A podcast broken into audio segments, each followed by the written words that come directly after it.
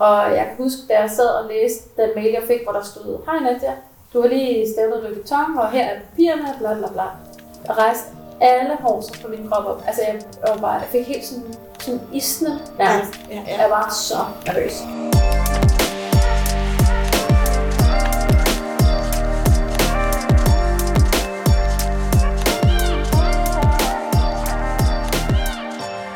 Velkommen til endnu en episode af Messy Mind Show. Det her det er podcasten, der udforsker kreativitet og iværksætteri, så du kan udleve dine drømme i din karriere og i livet i det hele taget. Mit navn det er Nina Tingberg, og tusind, tusind tak, fordi du lytter med. Hej alle sammen, og velkommen tilbage til Messy Mind Show. Danmark er jo lige så stille begyndt at åbne op igen, hvilket på mange måder er mega fedt. Og jeg synes også på andre måder, der er det sgu lidt skræmmende, fordi ingen af os ved rigtigt, hvad det er for en virkelighed, vi er på vej ud i igen. Men øhm, ikke desto mindre, så kan jeg se, at lyttertallene, de er back on track. Det er mega fedt. Jeg har total optur, fordi jeg ligger altså inde med nogle episoder, og de ligger nærmest bare og brænder på min harddisk, fordi de har brug for at øh, blive sendt ud i dine ører, ud i verden, til stor inspiration og en, en masse konkrete sådan action steps, som du kan tage på vejen mod dine drømme, hvad end de må være. Og øh, i dag er ingen undtagelse. Jeg har åbnet op for posen, og øh, den her episode, som du skal høre i dag, det er nok en af dem, der betyder allermest for mig. Jeg, altså, jeg er ovenud glad for alle episoder, men den her er sådan en personlig øh, milepæl for mig. Vi skal nemlig snakke i dag med en kvinde, der hedder Nadia Plesner. Og Nadia Plesner, hun har altså ligget på min top 10 liste over mennesker i hele verden, som jeg har drømt om at tale om. Så det siger fandme ikke så lidt det her. Jeg fik altså muligheden for at besøge Nadia Plesner i hendes atelier. Hun er billedkunstner i januar måned i år. Så det er altså næsten tre og en halv måned, jeg bare, ah, det har kriblet i mine fingre for at få lov til at udgive den her episode. Og øh, ikke nok med, at hun er en fantastisk billedkunstner, og det kommer du også til at høre mere om, så bærer hun altså også på en historie, som, som alle i hele verden øh, skal og bør kende, fordi den bare, det er bare sådan et, fuck mand, der findes stadigvæk mennesker derude, øh, som er fuldstændig ligesom du og jeg, der beviser over for os andre, at hvis man tror på sit projekt, og man kæmper for det, og man står ved det, og man tør tage kampen, altså så kan man ændre verden. Og i denne her situation, der er det altså Nadia Plesner, der har øh, vundet en retssag over Louis Vuitton i kampen om kunstnerisk ytringsfrihed. Og det har altså ledt til, at hun har lavet en TED-talk. Hun har skrevet en bog, der hedder Simple Living. Hun har stået på FN's talerstol og talt om censur og kunstnerisk ytringsfrihed. Hun har øh, været inviteret i Oprah Winfrey Show. Og altså, hvad mere kan jeg sige? Det er, det er sindssygt. Og hele den historie, og hvorfor, og hvordan, og hvor pokker kan det nu lade sig gøre, den får du altså i dag. Og ikke nok med, at det er en helt vild historie, så er der altså en masse elementer i historien her, som du kan tage og 100% spejle dig i, i dit eget liv. Og øh, forhåbentlig, så giver den dig styrke og mod til at turde gå efter det og kæmpe for det, som betyder allermest for dig. Hvad end det er, om det er din familie, dit arbejdsliv, en eller anden vild drøm om at bestige et bjerg. Nadjas historie giver altså genklang i os alle sammen. I denne her episode, der skal du altså høre om Nadjas historie, som udspiller sig i sådan midten af hendes 20'ere, da hun er kommet ind på sit drømmestudie i Amsterdam. Og øh, der rammer hun altså øh, det absolute lavpunkt, hvor hun finder en lortekæreste, er mega broke, bor i en campingvogn, bliver kørt ned og er nærmest lammet. Altså alt er lort. Og så er der bare et øjeblik, der ændrer hendes liv fuldstændig. Og øhm, det er altså den historie, du skal høre i dag. Vi kommer til at tale om det her issue, der kan være med, at mange af os kommer til at lytte lidt for meget til omverdenen og omverdenens forventninger til os, øh, frem for vores egen indre stemme, men også hvordan de omveje, vi føler, vi har været på undervejs i livet, de faktisk bidrager rigtig positivt til både der, hvor du er i dag, men også der, hvor du øh, bevæger dig hen i løbet af livet. Vi bliver taget igennem en historie, der oser af retfærdighed, drømme, mod, ydmygelse, økonomisk pres og øh, noget autoritets øh, skepsis, kan man måske kalde det. Øh, det er i hvert fald en, en sej historie, som vi alle sammen kan, kan tage med og, og bruge og omsætte til noget i vores eget liv, som giver noget styrke så vi tør at tage de kampe, der er nødvendigt for at, øh, at leve det liv, som, som vi rigtig gerne vil. Samtidig så skal det jo også siges, at Nadia hun er meget mere end den her historie. Hun er jo først og fremmest billedkunstner, og en virkelig dygtig en af slagsen, og har nogle budskaber, som jeg personligt øh, står 100% indenfor, og jeg synes er enormt interessante, men det er ikke så meget pointen. Pointen er, at det Nadia Plessner, hun formår igennem sin kunst, det er at skabe refleksion, og skabe debat, og få folk til, for os alle sammen til, at blive bevidste om de valg, vi træffer, om de holdninger, vi har her i livet. Øh, pisse stærkt. Jeg glæder mig simpelthen så meget til, at du skal høre den her episode. Jeg sidder lige nu som et lille barn juleaften. Jeg er så spændt, og jeg glæder mig så meget til at høre, hvad du tager med dig fra den her episode i dag. Og samtidig så, så synes jeg, at det er meget, meget privilegeret, at Nadia hun har lyst til at dedikere så meget af sin tid, som jeg ved er dyrbar, ligesom din og min tid. Det er jo det dyrbar, dyrbarste, vi har. Det er tid at dedikere så mange timer på at, øhm, at give noget videre til dig og til mig. Jeg besøgte øh, som sagt Nadia Plesner her i hendes atelier, og øh, hun havde altså sørget for kaffe og croissanter, og øh, man kan fornemme i baggrunden sådan et lille ovenlysvindue, hvor regnen plasker ned på. Så der er altså sådan lige lidt øh, regnplask i baggrunden, men jeg tænker, at det gør det måske bare lidt mere hyggeligt og autentisk, som man siger, ikke? Jeg vil egentlig ikke øh, tage mere af din tid nu, apropos tid. Det vigtigste skal vi til nu, og det er fortællingen om Nadia Plesner som billedkunstner og øh, hele den periode med retssagen mod Louis Vuitton. Rigtig, rigtig god fornøjelse. Hej Nadia. Hej. Tusind tak, fordi jeg må besøge dig her i dag i dit atelier. Altså jeg personligt, der er det meget stort for mig at sidde her og tale med dig. Du har været på min top 10 liste, siden jeg læste din bog i 15, over folk i hele verden, jeg vil tale med. Og det er no shit. Det glæder mig. Meget inspireret af din historie. Så øh, vil du ikke starte med at fortælle lidt om dig? Hvem er du, og hvem er du som kunstner? Jo, det vil jeg gerne. Jeg er øh, billedkunstner. Jeg er uddannet på Kunstakademiet i Amsterdam. Og så har jeg gennem i hvert fald de sidste 10 år arbejdet meget med de forsvindende grænser mellem reklamer og nyheder i massemedierne. Det er det, der optager mig meget. Så det har jeg sådan arbejdet med øh, og forsøgt at angribe på forskellige måder i mine værker. Det kunst, jeg laver, det forholder sig rigtig meget til, hvad der foregår rundt omkring i vores verden, lige nu og her. Det optager mig meget. Øh, og det er nok, fordi jeg synes, det er sindssygt interessant, også som privatperson, og forsøge sådan at reflektere over, hvordan jeg selv opfører mig som nyhedsbruger, hvis man kan sige det sådan. Mm. Så det øh, forsøger jeg så at videregive i mine værker. Altså jeg har set det her øh, Kiss, som du har lavet for nogle år tilbage. Ja. Og, øh, og så det her Taste, øh, Taste the Rainbow. Mm-hmm. Det er nogle af mine yndlingsværker. Jeg synes, det står altså budskabet, det er knivskarpt. Mm-hmm.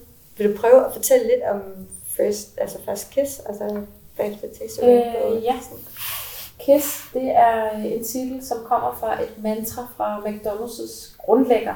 Øh, og det står for øh, Keep it simple, stupid, som åbenbart har været hans forretningsstrategi fra starten. Øh, op til at han øh, jo nu, eller de har altså er vokset til at blive sådan en fuldstændig giga, giga virksomhed. Og fast food, det er jo noget, som fylder sindssygt meget i den moderne verden, og noget, der bliver forbrugt rigtig, rigtig meget. Og for nogle år siden, så blev jeg kontaktet af en jurist, som hedder Martin Martensen Larsen, som i sin fritid laver forskellige kunstprojekter. Og han spurgte, om jeg kunne tænke mig at arbejde sammen med ham om at lave et værk, som skulle udtrykke, hvordan nogle af de her kæmpe store fastfood øh, organisationer i USA, de bruger mange af de penge, som de får ind på fastfood, til at pøse ind i lobbyarbejde, som har forskellige politiske dagsordner. Øh, og det var jeg for eksempel ikke klar over, da han kontaktede klar mig. Øh, så jeg tænkte, det lyder da sindssygt spændende, fordi jeg er i forvejen i min kunst meget optaget af, hvordan reklame fungerer, og i det hele taget, hvordan vores forbrugersamfund er skruet sammen. Så derfor synes jeg, det var meget spændende, det her med, at en del af vores forbrug øh, faktisk er med til at fremme forskellige politiske holdninger, for det tror jeg, der er rigtig mange, som ikke ved. Og noget af det lobbyarbejde, som de har lavet med de her penge, Det har for eksempel været organisationer, som er imod fri abort, og øh, ting, som jeg som fri kvinde i Vesten øh, synes er meget vigtige. Så derfor synes jeg, det var spændende at prøve at lave øh, et fælles værk øh, med ham. Så faktisk, når man går ind og, køber noget fast food, så støtter man måske nogle sager, som, man, som ja, vi frie kvinder i Vesten, og inklusive jeg selv, mm-hmm. faktisk overhovedet ikke går ind for. Præcis. Og det var jeg heller ikke klar over. Det er jo det. Og så jeg synes, det der værk, det er, altså det er, det er så fedt. Fordi du tager nogle elementer, som vi alle sammen kender, altså McDonald's mm-hmm. og Sarah Palin, og så kombinerer det på en eller anden måde og fortæller en historie. Jeg synes, det er det kan være, at jeg lige skal forklare, hvis folk ikke har set værket, hvordan det ser ud. Ja. Øhm, fordi det er en, øhm, en parafrase over et eksisterende oliemaleri. Sådan en klassisk oliemaleri fra renaissancen, som viser Adam og Eva i Edens have. Øh, og så er Adam lavet op til øh, Ronald McDonald-figuren, men som sådan en renaissance-mand. Og Eva er altså Sarah Palin, øh, som jo øh, forsøgte at, at slå igennem i politik og faktisk kom rigtig, rigtig langt. Skræmmende langt. Ja, skræmmende langt øh, med nogle af de holdninger, som, øh, som jeg beskrev lige før. Øh, og så var ideen så at prøve at se, hvis man ligesom laver den her fortælling og viser noget om, hvordan nogle af de her meget, meget ultra-kristne partier i USA, hvordan de arbejder med de her fastfood-penge, og man så kunne starte en debat om, øh, hvordan det lige hænger sammen mellem forbrug og politik. Så det prøvede vi så at se, om vi kunne øh, lave en platform ud af gennem det billede. Og så er der Taste Rainbow, som ja. er en lidt anden boldgade med noget tekst. Vil du forklare lidt om det? Ja, det er et, øh, et tekstværk, som er sådan en slags digt, og det er en lang sætning, som er komponeret af en masse forskellige amerikanske reklameslogans. Så nogle af dem vil jeg gå ud fra, at de fleste har hørt, øh, for eksempel øh, Just Do It, øh, I'm Loving It fra McDonald's, apropos osv.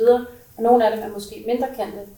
Og så er det malet med sådan en fluorescerende maling, øh, som er den type maling, man tit bruger til reklamer. Det er sådan meget farvestrålende, ja, øh, neonagtigt. Skærlig i øjnene, ja. Ja.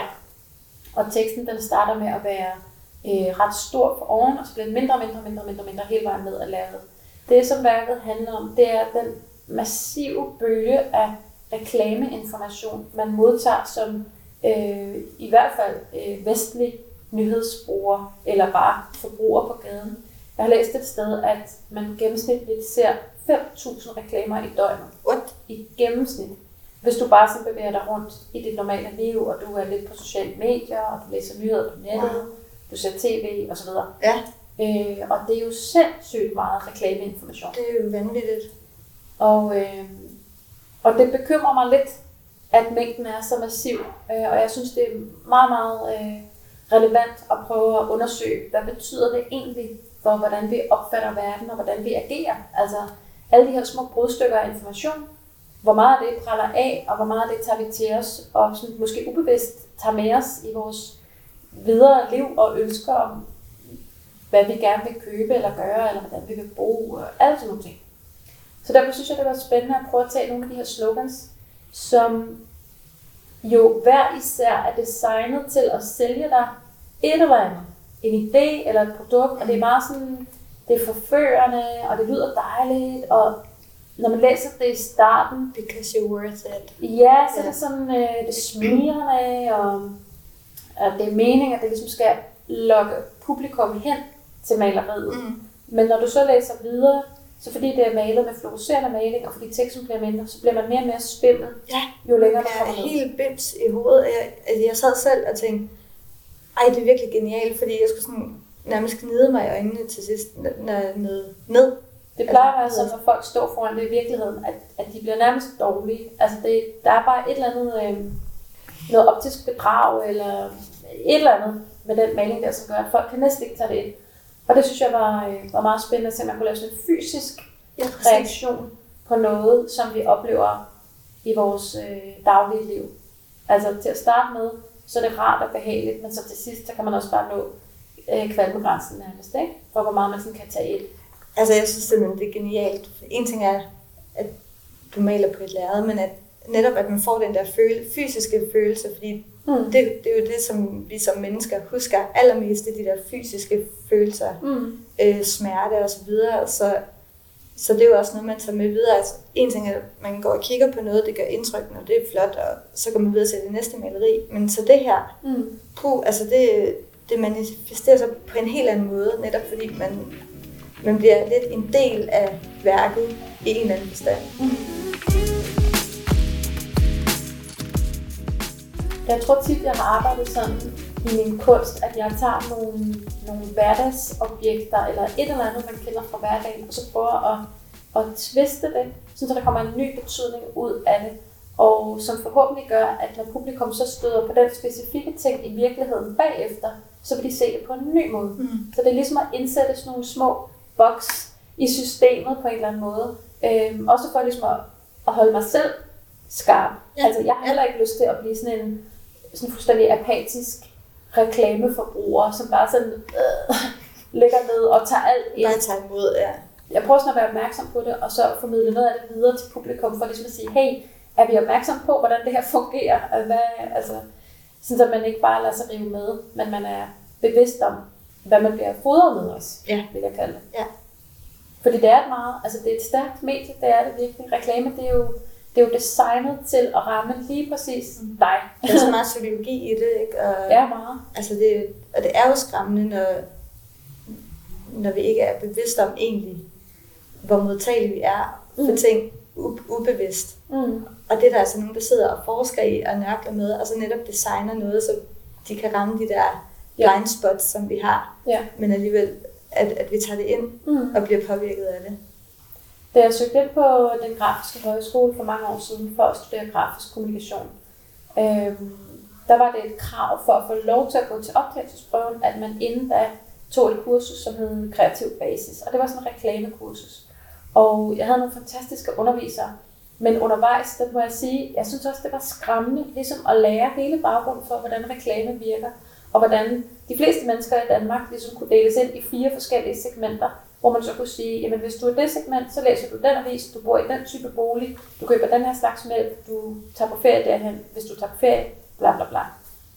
Og da jeg så det, så tænkte jeg, gud, altså 90 procent af dem, jeg kender, de passer ind i en af de der fire kasser. Ja, ja, ja. Det er virkelig skræmmende, fordi ja. alle føler jo, at jeg er fuldstændig unik. Ja. Jeg bestemmer jeg gør i hvert fald ikke, som de andre gør. Og... Præcis. Ja. Så ligesom at se bagsiden af det, og lære alt om, hvordan man kommunikerer klemmer til folk, det er så et med at blive et værktøj, jeg har i min værktøjskasse, når jeg laver kunst, at jeg mm. ligesom vender det om. Så det var jo ikke det, der var meningen dengang, men det er jo meget sjovt, så er det ligesom blevet en del af min billedkunst. Ja, lige præcis. Øh, på en helt anden måde. Og lad os snakke lidt om det, Nadia. For nu læser, øh, skriver du i din bog, der hedder Simple Living, og den skal vi snakke meget mere om lige om et øjeblik. Øhm, men at du altid har elsket at male og tegne og så videre, og, øh, og du også fortalte på gymnasiet, at gerne ville søge ind på Kunstakademiet, og så din studievejleder var bare, det kan du godt glemme, det er alt for svært. Ja, det er det. Det kommer ikke til at ske. Mm. Det tog du, tog du det til dig? Altså, følte du, øhm, du, du, du tog ikke på Kunstakademiet med det samme? Du, du var lige Nej, ude altså, jeg har jo nok taget hendes ord til mig ret meget. Øhm, jeg sagde til hende, at jeg ville gerne være billedkunstner, og så sagde hun til mig, at jeg kunne lige så godt droppe at søge på Kunstakademiet, fordi det var så svært at komme ind. Så det var bedre, hvis jeg overvejede nogle andre muligheder, så jeg have en bedre chance. Og det er jo meget kynisk. Øh, men det lyttede jeg ret meget til. Og altså, jeg var også meget, meget ung, da jeg blev færdig i gymnasiet, fordi jeg kom tidligt i skole. Jeg var kun 17 år, da jeg okay. blev færdig. Så jeg var heller ikke måske moden nok til sådan at, at ture stå ved det, jeg gerne ville. Mm. Så derfor så endte jeg med at gå alle mulige andre veje, øh, men hvor jeg hele vejen igennem har tegnet og malet ved siden af, hvad jeg så ellers har lavet. Ja. Øhm, i, og det brugte jeg mange år på. Men så tog jeg tegnekurser på Torvaldsens Museum, og så tog jeg noget multimediedesign, og så tog jeg altså, alle mulige slags kreative uddannelser, men hoppede fra den ene til den anden, mm. fordi jeg aldrig fandt det, der virkelig var mig. Ja. Og så endte det med, at jeg blev optaget på den grafiske højskole, og, øh, og blev inviteret til at se kunstakademiet i Amsterdam, da jeg var på ferie i Amsterdam, hvor min gode ven Mads, han øh, allerede var blevet optaget. Og da jeg så var inde og se akademiet i Amsterdam, så vidste jeg bare fra første sekund, at det var der, jeg hørte til. Altså jeg vidste det bare, at det var sådan, wow, det her, det er vidunderligt. altså Kommensen et sted, hvor der gik internationale studerende fra hele verden, øh, og malede billeder og byggede skulpturer, og de kom slæbende med alle mulige materialer, og de hørte jazz og drak rødvin, og altså jeg synes bare, at det hele var så fedt. Og jeg ville så gerne, og så tænkte jeg, jeg er nødt til at prøve. Fordi hvis ikke jeg prøver, så lykkes det i hvert fald ikke. Og så prøvede jeg så at søge ind, og var til tre forskellige optagelsesprøver, og så lykkedes det. Ja, og spørgsmålet er, om jeg ville være blevet optaget tidligere, enten der eller i Danmark. Det er jo ikke til at vide. Nej. Men al den erfaring, jeg havde gjort mig, både med kunsten og udenfor, var alt sammen noget, jeg kunne bruge, da jeg så endelig startede. Ja, ja. Jeg var lidt ældre end de andre, men det var så fedt at komme i gang. Altså. Jeg har i hvert fald selv været underlagt meget at lytte til, hvad andre siger, man skal gøre. Eller, mm. du ved, vi bliver kørt igennem et system, mm. uddannelsessystemet, og så er det jo altså, så, så skal vi videre på en videregående uddannelse, og så videre, dum, dum, dum. Og øhm, for mig personligt, der har den stemme været højere end min egen. Mm. Og jeg har, jeg har i mange år virkelig også flakket rundt, og ikke følt, at jeg sådan har passet ind de forskellige steder, hvor jeg har været. På den anden side, som du også nævner, så vil jeg måske heller ikke være nogle af de ting for uden nu mm. i dag, fordi mm. jeg har fået virkelig mange ting med mig. Men, men hvordan oplever du det her med, at altså, at blive præget, bliver vi præget for meget af systemet, eller sådan her, af andres forventninger til, at vi skal ud og have sådan et 8-16 job, eller sådan noget, hvis vi måske går med en eller anden sådan indre lyst og trang til at gøre noget andet.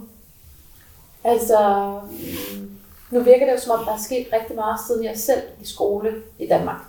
Øh, og at regeringen på forskellige måder, eller de forskellige regeringer på forskellige måder faktisk ja. har forsøgt at lave nogle, øh, nogle systemer, som skal presse unge hurtigere igennem, og øh, så bliver der lavet et loft på, hvor lang tid må du ikke bruge på at uddanne dig. Det betyder, at så skal du hurtigere vælge rigtigt, og alle sådan nogle ting.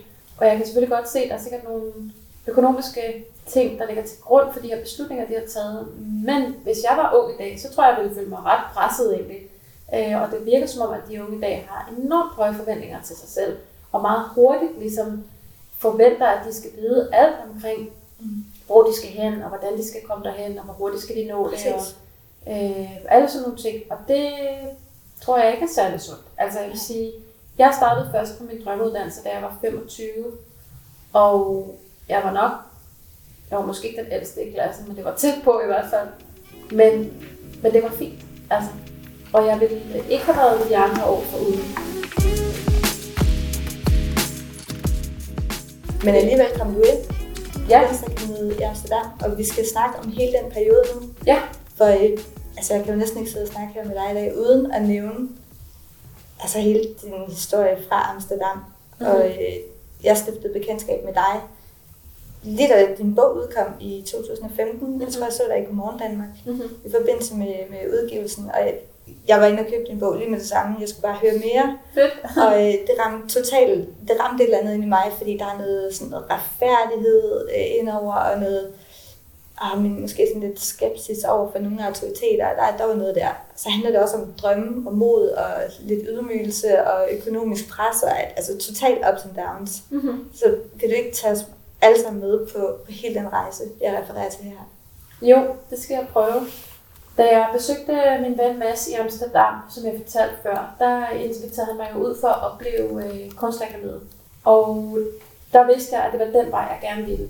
Men før jeg rejste tilbage til Danmark, der blev jeg også meget forelsket i en hollandsk bartender.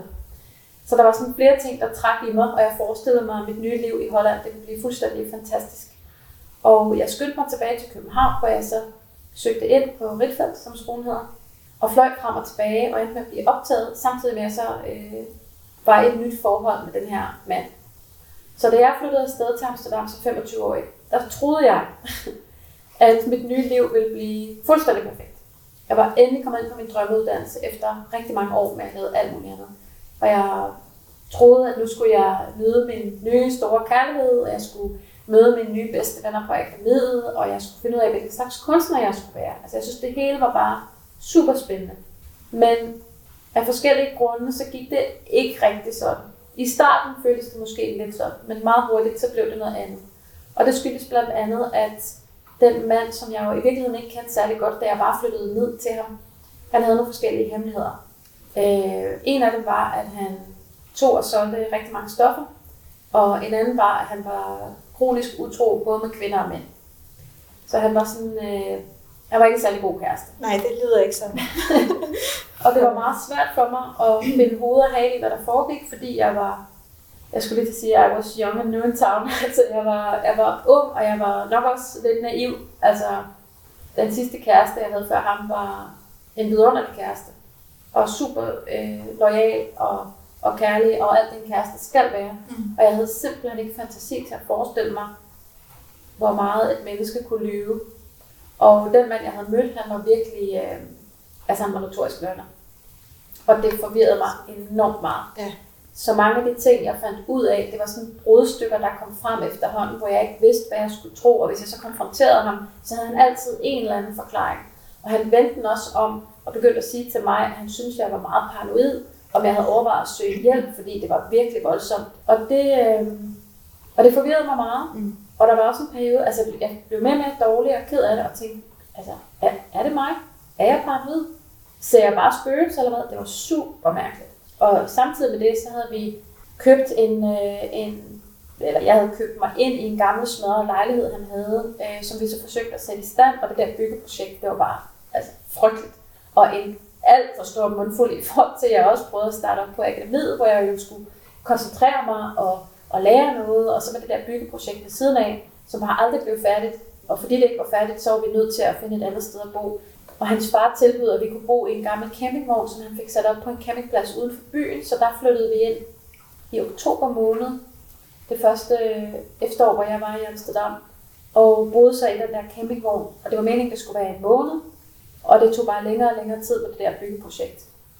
Og det hele, det ramlede sig sammen om ørerne på mig, da jeg lige i starten af januar i 2007 endelig prøvede at tage mig sammen og ligesom sige til den her kæreste, prøv at høre, nu kan jeg ikke mere. Altså han var taget i byen på et tidspunkt og kom ikke hjem før en uge efter, Mm. jeg kunne bare mærke. Altså, Det havde han gjort flere gange, ikke også? Jo. Det er bare smut i han flere havde sådan noget med at forsvinde. Ja. Og det var sindssygt stressende. Og til sidst så prøvede jeg ligesom at tage mig sammen. Og så gik vi ud på gaden, og vi havde et kæmpe skænderi, og det var ligesom første gang, jeg prøvede at rigtig finde mod til at sige fra, og bare ikke tage flere undskyldninger ind, fordi jeg var bare fuldstændig midt. Altså, jeg kunne ikke mere. Og mens vi så gik og skændtes på gaden, så var vi så optaget af det, at vi ikke opdagede, hvad der kom bag os. Og så kom der en ældre hollandsk herre kørende på en stor scooter af den her type med glas foran, og han smadrede lige ind i ryggen på mig med 60 km i timen, fordi han havde tunet den. Så jeg fløj af helvede til og landede på nakken. Nej. Så det var virkelig, altså, det laveste punkt i mit liv, tror jeg. Ja. At bo i den der campingvogn og være i et så dysfunktionelt forhold, og så blive kørt ned samtidig. Altså, Ja. der var jeg bare færdig. At være økonomisk hængt op i det der lejlighedsprojekt. Præcis. Og alt på én gang. Og lige startet på drømmestudiet. Og Ja, det var rigtig slemt. Og det var en alvorlig ulykke. Øh, til at starte med var jeg ikke selv klar over, hvor alvorlig den var. Jeg havde også udkommelsestab lige til at starte med, så jeg kunne ikke huske rigtigt, hvad der var sket. Og mens jeg var på hospitalet, så blev sygeplejerskerne og lægerne, de blev selvfølgelig ved med at tale engelsk til mig. Og jeg blev ved med at svare på dansk. Og sagde, altså, I kan bare snakke dansk. Jeg er dansk, jeg forstod ikke, hvad det Ja. er. Fordi jeg anede ikke, at jeg var i et andet land. nej. Og efter en uge, tror jeg, så kom det sådan tilbage, så kunne jeg godt huske, hvor jeg var. Men der var jeg også i chok. Og havde slet ikke, jeg tror ikke, jeg ligesom ville acceptere, hvor slemt det var. Nej. Så jeg for eksempel skrevet en mail til min vejleder, hvor jeg skrev, øh, jeg er blevet kørt ned, men jeg regner med at være tilbage om et par uger.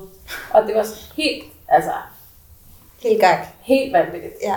Men der tror jeg, der er noget benægtelse, eller, altså, det var for voldsomt for mig, Ja. alt det, der skete på en gang. Kan ikke tage det ind. Det er sådan en eller anden forsvarsmekanisme, der lige går i gang der, ikke? Det tror jeg. Ja. Jeg har hørt på et tidspunkt fra en sygeplejerske, at hvis folk de oplever en ekstremt alvorlig ulykke i deres hjem, for eksempel, så er det meget ofte, at folk som det første, for eksempel går hen og sætter kaffe over, fordi de ikke kan forholde sig til det, de altså, oplever sker. Og det er sådan en, en menneskelig reaktion. Mega random. Altså, Ja, og det handler jo om, at man prøver at beskytte sig selv. Ja. Og det var også det, der skete for mig i starten. Altså. Øh, og udover det, så var jeg jo pludselig øh, super afhængig af den her kæreste, fordi jeg havde ikke andre i Holland. mm. Så det endte også med, at vi blev sammen. Og så blev han sådan en slags sygeplejer, men en rigtig dårlig en af slags, vil jeg sige, fordi han var så øh, sådan noget utilregnelig Ja, ja. og uansvarlig. Ja. Ja. Men det var ligesom det, jeg havde. Og så kunne jeg jo prøve at gøre status over min krop efter den her ulykke. Og jeg kunne ikke gå i starten, og jeg havde mistet hørelse på det ene øre, og smagssansen og lugtesansen. Jeg havde så mange smerter, fordi at nogle af mine rygvævler var klappet sammen. Jeg kunne næsten ikke bære mig selv, altså. Og vidste lægerne på det tidspunkt, at din ryg var klappet sammen, og Nej. at altså, det stod der skidt til? Nej, det gjorde det ikke. Jeg synes også, det er vildt, du bare du blev sendt hjem efter hvor lang tid ulykken? Et døgn, tror jeg. Altså, Døgn? Altså, De havde pladsmangel på hospitalet, og udover øh, en flænge, jeg havde i benet, og sådan at være øh, hvad skal man sige, forslået, så mente de ikke, at der var nogen øh, sådan større skader. Jeg havde ikke brækket noget, for eksempel. Så derfor blev jeg udskrevet. Og så viste det sig senere, at der var nogle skader, men det tog meget, meget, meget lang tid. Mm. Og, øh, og meget insisteren øh, fra min side på ligesom at blive ved med at gå til lægen og finde ud af, øh, at der faktisk var nogle skader i ryggen. Ja. Men det var først noget, de fandt ud af to år efter. Kæft, det er også lang tid. Mm. Ja, det var det. Og så spurgte de, fordi der ikke var plads, om det var muligt, at jeg kunne blive passet hjemme af min kæreste, og det sagde han ja til, og så blev jeg kørt hen i den der campingvogn, og det var, Som var hjemme på det Ja. tidspunkt. Jo. det var ikke optimalt. Det var det virkelig. Og det var efterår. Nej, det var vinter. Ja, det var vinter. tidspunkt. Ja. Ja, det var, nej, det var ikke så optimalt. Og samtidig så var jeg, der er så mange, der har spurgt mig, når jeg fortæller om det her rundt omkring, så er der så mange, der har spurgt, hvorfor tog du ikke bare hjem? Og det er jo et super godt spørgsmål, øh, fordi hvorfor vælge så meget elendighed? Men lige på det tidspunkt, der tror jeg, jeg havde det sådan, jeg var lige flyttet væk fra Danmark. Jeg var ligesom rigtig fløjet fra redden. Ja. Og jeg havde fundet mit drømmestudie, jeg var kommet ind på det. Nu skulle jeg endelig udleve min drøm. Og så havde jeg kun lige nået at smage på det, Mhm. før alt var væk. Og, og jeg følte ligesom, tæppet var revet væk under mig. Jeg kunne ikke fortsætte studierne lige der. Var det her super dårlige forhold. Jeg boede i en campingvogn. Og jeg var, altså min krop var helt smadret. Og jeg tænkte bare, hvis jeg tager hjem til Danmark nu, så kommer jeg aldrig tilbage. Det her, det er så voldsomt, så jeg ville ikke... Altså jeg vidste bare, hvis jeg tog hjem og, og kom mig i Danmark, så ville jeg aldrig ligesom tage tilbage og fortsætte. Nej. Det var alt for traumatisk. Jeg var nødt til at blive og få det bedre i Holland, og så fortsætte Få studiet. det ret ud. Ja, og, og det er jo fuldstændig vanvittigt, når jeg tænker på det nu. Men der var også en del af mig, som synes, det var pinligt. Altså, jeg synes, det var pinligt, at så var jeg taget afsted, og så følte jeg, at jeg ligesom, nu hvor jeg endelig havde muligheden for at være voksen, så havde taget alle de dårlige beslutninger, Ja. ja. som mit liv var pludselig blevet lort. Altså, jeg ville så gerne selv reparere det, og vise, at jeg kunne, og Ja. I stedet for, at man kommer krybende hjem igen. Og, ja, så Ja. helt smadret. ja. alt er gået galt. Ikke? Mm. Altså, jeg havde sådan brug for at skabe en anden slutning på den historie. Og så var jeg ikke klar over fra start, hvor lang tid det ville tage at blive rask. Så det kan godt være, hvis jeg havde vidst det, så havde jeg måske valgt noget andet. Men lige der, der tænkte jeg, ej, det kan jeg godt. Mm. Jeg kan godt komme mig hurtigt, og så fortsætte. Ja. Så videre. Ja. Ja. Og så startede jeg på genoptræningen i Holland. Og hvad skete der så derfra? Du havde din, din hjemmesygeplejerske. ja, øh, så var der en gang imellem, øh, og forsvandt en gang imellem, så det var en meget, meget hård periode. Og især i starten, hvor jeg lå i den der campingvogn, der var jeg jo vanvittigt isoleret, og det tror jeg næsten er noget af det værste, man kan være, hvis man har været igennem noget svært, fordi det med bare at ligge med dine egne mørke tanker, Mm. det kan hurtigt blive til en, øh, en ond spiral, hvor du bare ender og graver dig længere og længere ned. Det var i hvert fald det, der skete for mig. Ja. Jeg havde meget svært ved at finde noget, noget positivt at fokusere på. Og jeg var i det hele taget bare optaget af min egen elendighed. Altså. Mm. Men så skete der noget, som, som kom til at ændre hele mit liv. Og det var, at jeg lå i campingvognen og læste i en hollandsk avis. Og på den ene side var der en fire linjers opdatering om folkemordet i Darfur-regionen i Sudan. Og på modsatte side var der en helt sides artikel om, at Paris Hilton hun skulle i fængsel, fordi hun havde fået for mange parkeringsbøder. Og kontrasten imellem et folkemord, som havde fået fire linjer, og en underholdningshistorie om en eller anden kendis, øh, som fik en hel side i en seriøs avis, det provokerede mig så meget, at jeg for første gang i lang tid glemte min egen elendighed og bare blev forarvet. Og jeg tænkte, hvad fanden laver de? Det der, altså det var dråben. Ja, ja. Så holder vi. Altså. Ja. Jeg blev så provokeret af det. Ja. Og jeg fik sådan lyst til at lave kunst om det. Jeg fik sådan lyst, altså det var ligesom sådan en, øh, en fysisk gnist, der blev tændt i mig. Ja. Øh, så jeg fik en idé og tænkte, ej, når jeg bliver rask, så vil jeg lave noget kunst om det her. Og fra den beslutning var taget, der var det ligesom min vej ud af sygesengen. Fordi det med at have et projekt, et eller andet at tænke på, som er noget andet end din sygdom, det gjorde en verden til forskel for mig. Og det var, det var 100% det, der gjorde, at jeg til sidst blev rask, altså og rejste mig igen. Jeg havde brug for et eller andet at koncentrere mig, som ja. var uden for mig selv. Og så havde du det også sådan, at, at det gav mening i sådan et større perspektiv? Ja, absolut. Jeg havde også brug for at finde noget mening. Ja. Fordi jeg følte også, at, ja, at alt var så meningsløst. Jeg havde også på en eller anden måde fået knækket som noget af min, min tiltro til verden igennem forholdet til den her mand, som virkelig havde forvirret mig meget med sine underlige uh, mind games. Uh, altså, han fik mig til at tvivle på alt det, jeg troede på var rigtigt, ved hele tiden at vende tingene om. Ja. Så jeg, jeg følte mig meget usikker, og jeg følte, at intet var, som jeg troede, det var. Og, og selvom han kun er et menneske, så havde det virkelig ændret min idé om, hvordan folk behandler hinanden. Fordi jeg havde aldrig oplevet noget lignende. Nej. At være tæt på nogen, som kunne sidde og kigge mig i øjnene og fortælle mig en historie, og virkelig overbevise mig om, at det var sandhed, når det så var løgn. Absolut. Det er fandme irriterende. Ikke? Ja, og det er jo det, der er så frygteligt, altså. Ja. Øh, Nadja, jeg kunne helt godt tænke mig at smage den der croissant. Ja, lad os da spise en croissant. Det vil jeg rigtig gerne. Nu skal du forberede dig på croissant himlen. Ej, jeg glæder mig helt vildt. Nadja, du lå der i campingvognen Ja. og kunne nærmest ingenting. Men så fandt du, så kom den her gejst, Mm. den her gnist op i dig. Så hvordan, hvordan tog du det videre og rent faktisk gjorde det til et projekt? Jamen, så besluttede jeg mig for, at jeg ville blive rask, så jeg kunne lave noget kunst om den her oplevelse, jeg havde haft, mens jeg læste den avis. Og til at starte med, så øh, lavede faktisk en masse research for at finde ud af, hvad der præcis foregik i Darfur. Fordi jeg kunne godt huske, at jeg havde hørt lidt om det i den danske presse et par år tidligere, men så havde jeg ikke hørt noget siden. Så jeg troede faktisk, at folkemordet det var slut. Og da jeg så begyndte at prøve at researche det selv, så kunne jeg finde ud af, at det stadig var i fuld gang. Og at øh, omkring 400.000 mennesker var blevet slået ihjel, og cirka 2,5 millioner var på flugt. Og de tal de var så høje, så jeg sådan igen blev bekræftet i, jeg synes, det var så mærkeligt, at det ikke var noget, der fik mere presseopmærksomhed, fordi det er væk rigtig, rigtig mange mennesker. Og jo mere jeg læste om det, jo mere øh, altså horrible historier fandt jeg. Og det er ikke fordi, det er første gang i mit liv, jeg har læst noget, som er voldsomt i nyhederne eller i det hele taget. Men der var noget ved min egen situation og min egen sårbarhed lige på det tidspunkt, som gjorde, at jeg bare tog det fuldstændig ind, når jeg læste Der, om det. der var åbent. Der var fuldstændig jo. Ja. Og jeg læste blandt andet en historie om, hvordan nogle militssoldater var reddet ind i en landsby, og så havde de samlet alle landsbyens børn og bundet dem fast til et træ, og så havde de sat ild til dem. Og jeg kunne ikke få det der billede ud af hovedet. Nej. Og det er jo... Og det er, jo, det er jo sådan en historie, man nærmest har lyst til bare egentlig at lukke øjnene for, så de bladrer videre, ikke? Præcis. Sådan, det findes ikke. Ja. Og det er nok det, jeg har gjort før, tror jeg. Fordi Ja. altså, en gang imellem, så kommer der jo desværre øh, historier fra forskellige steder i verden, hvor der er sådan, altså det er så forfærdeligt, man kan næsten ikke forholde sig til det.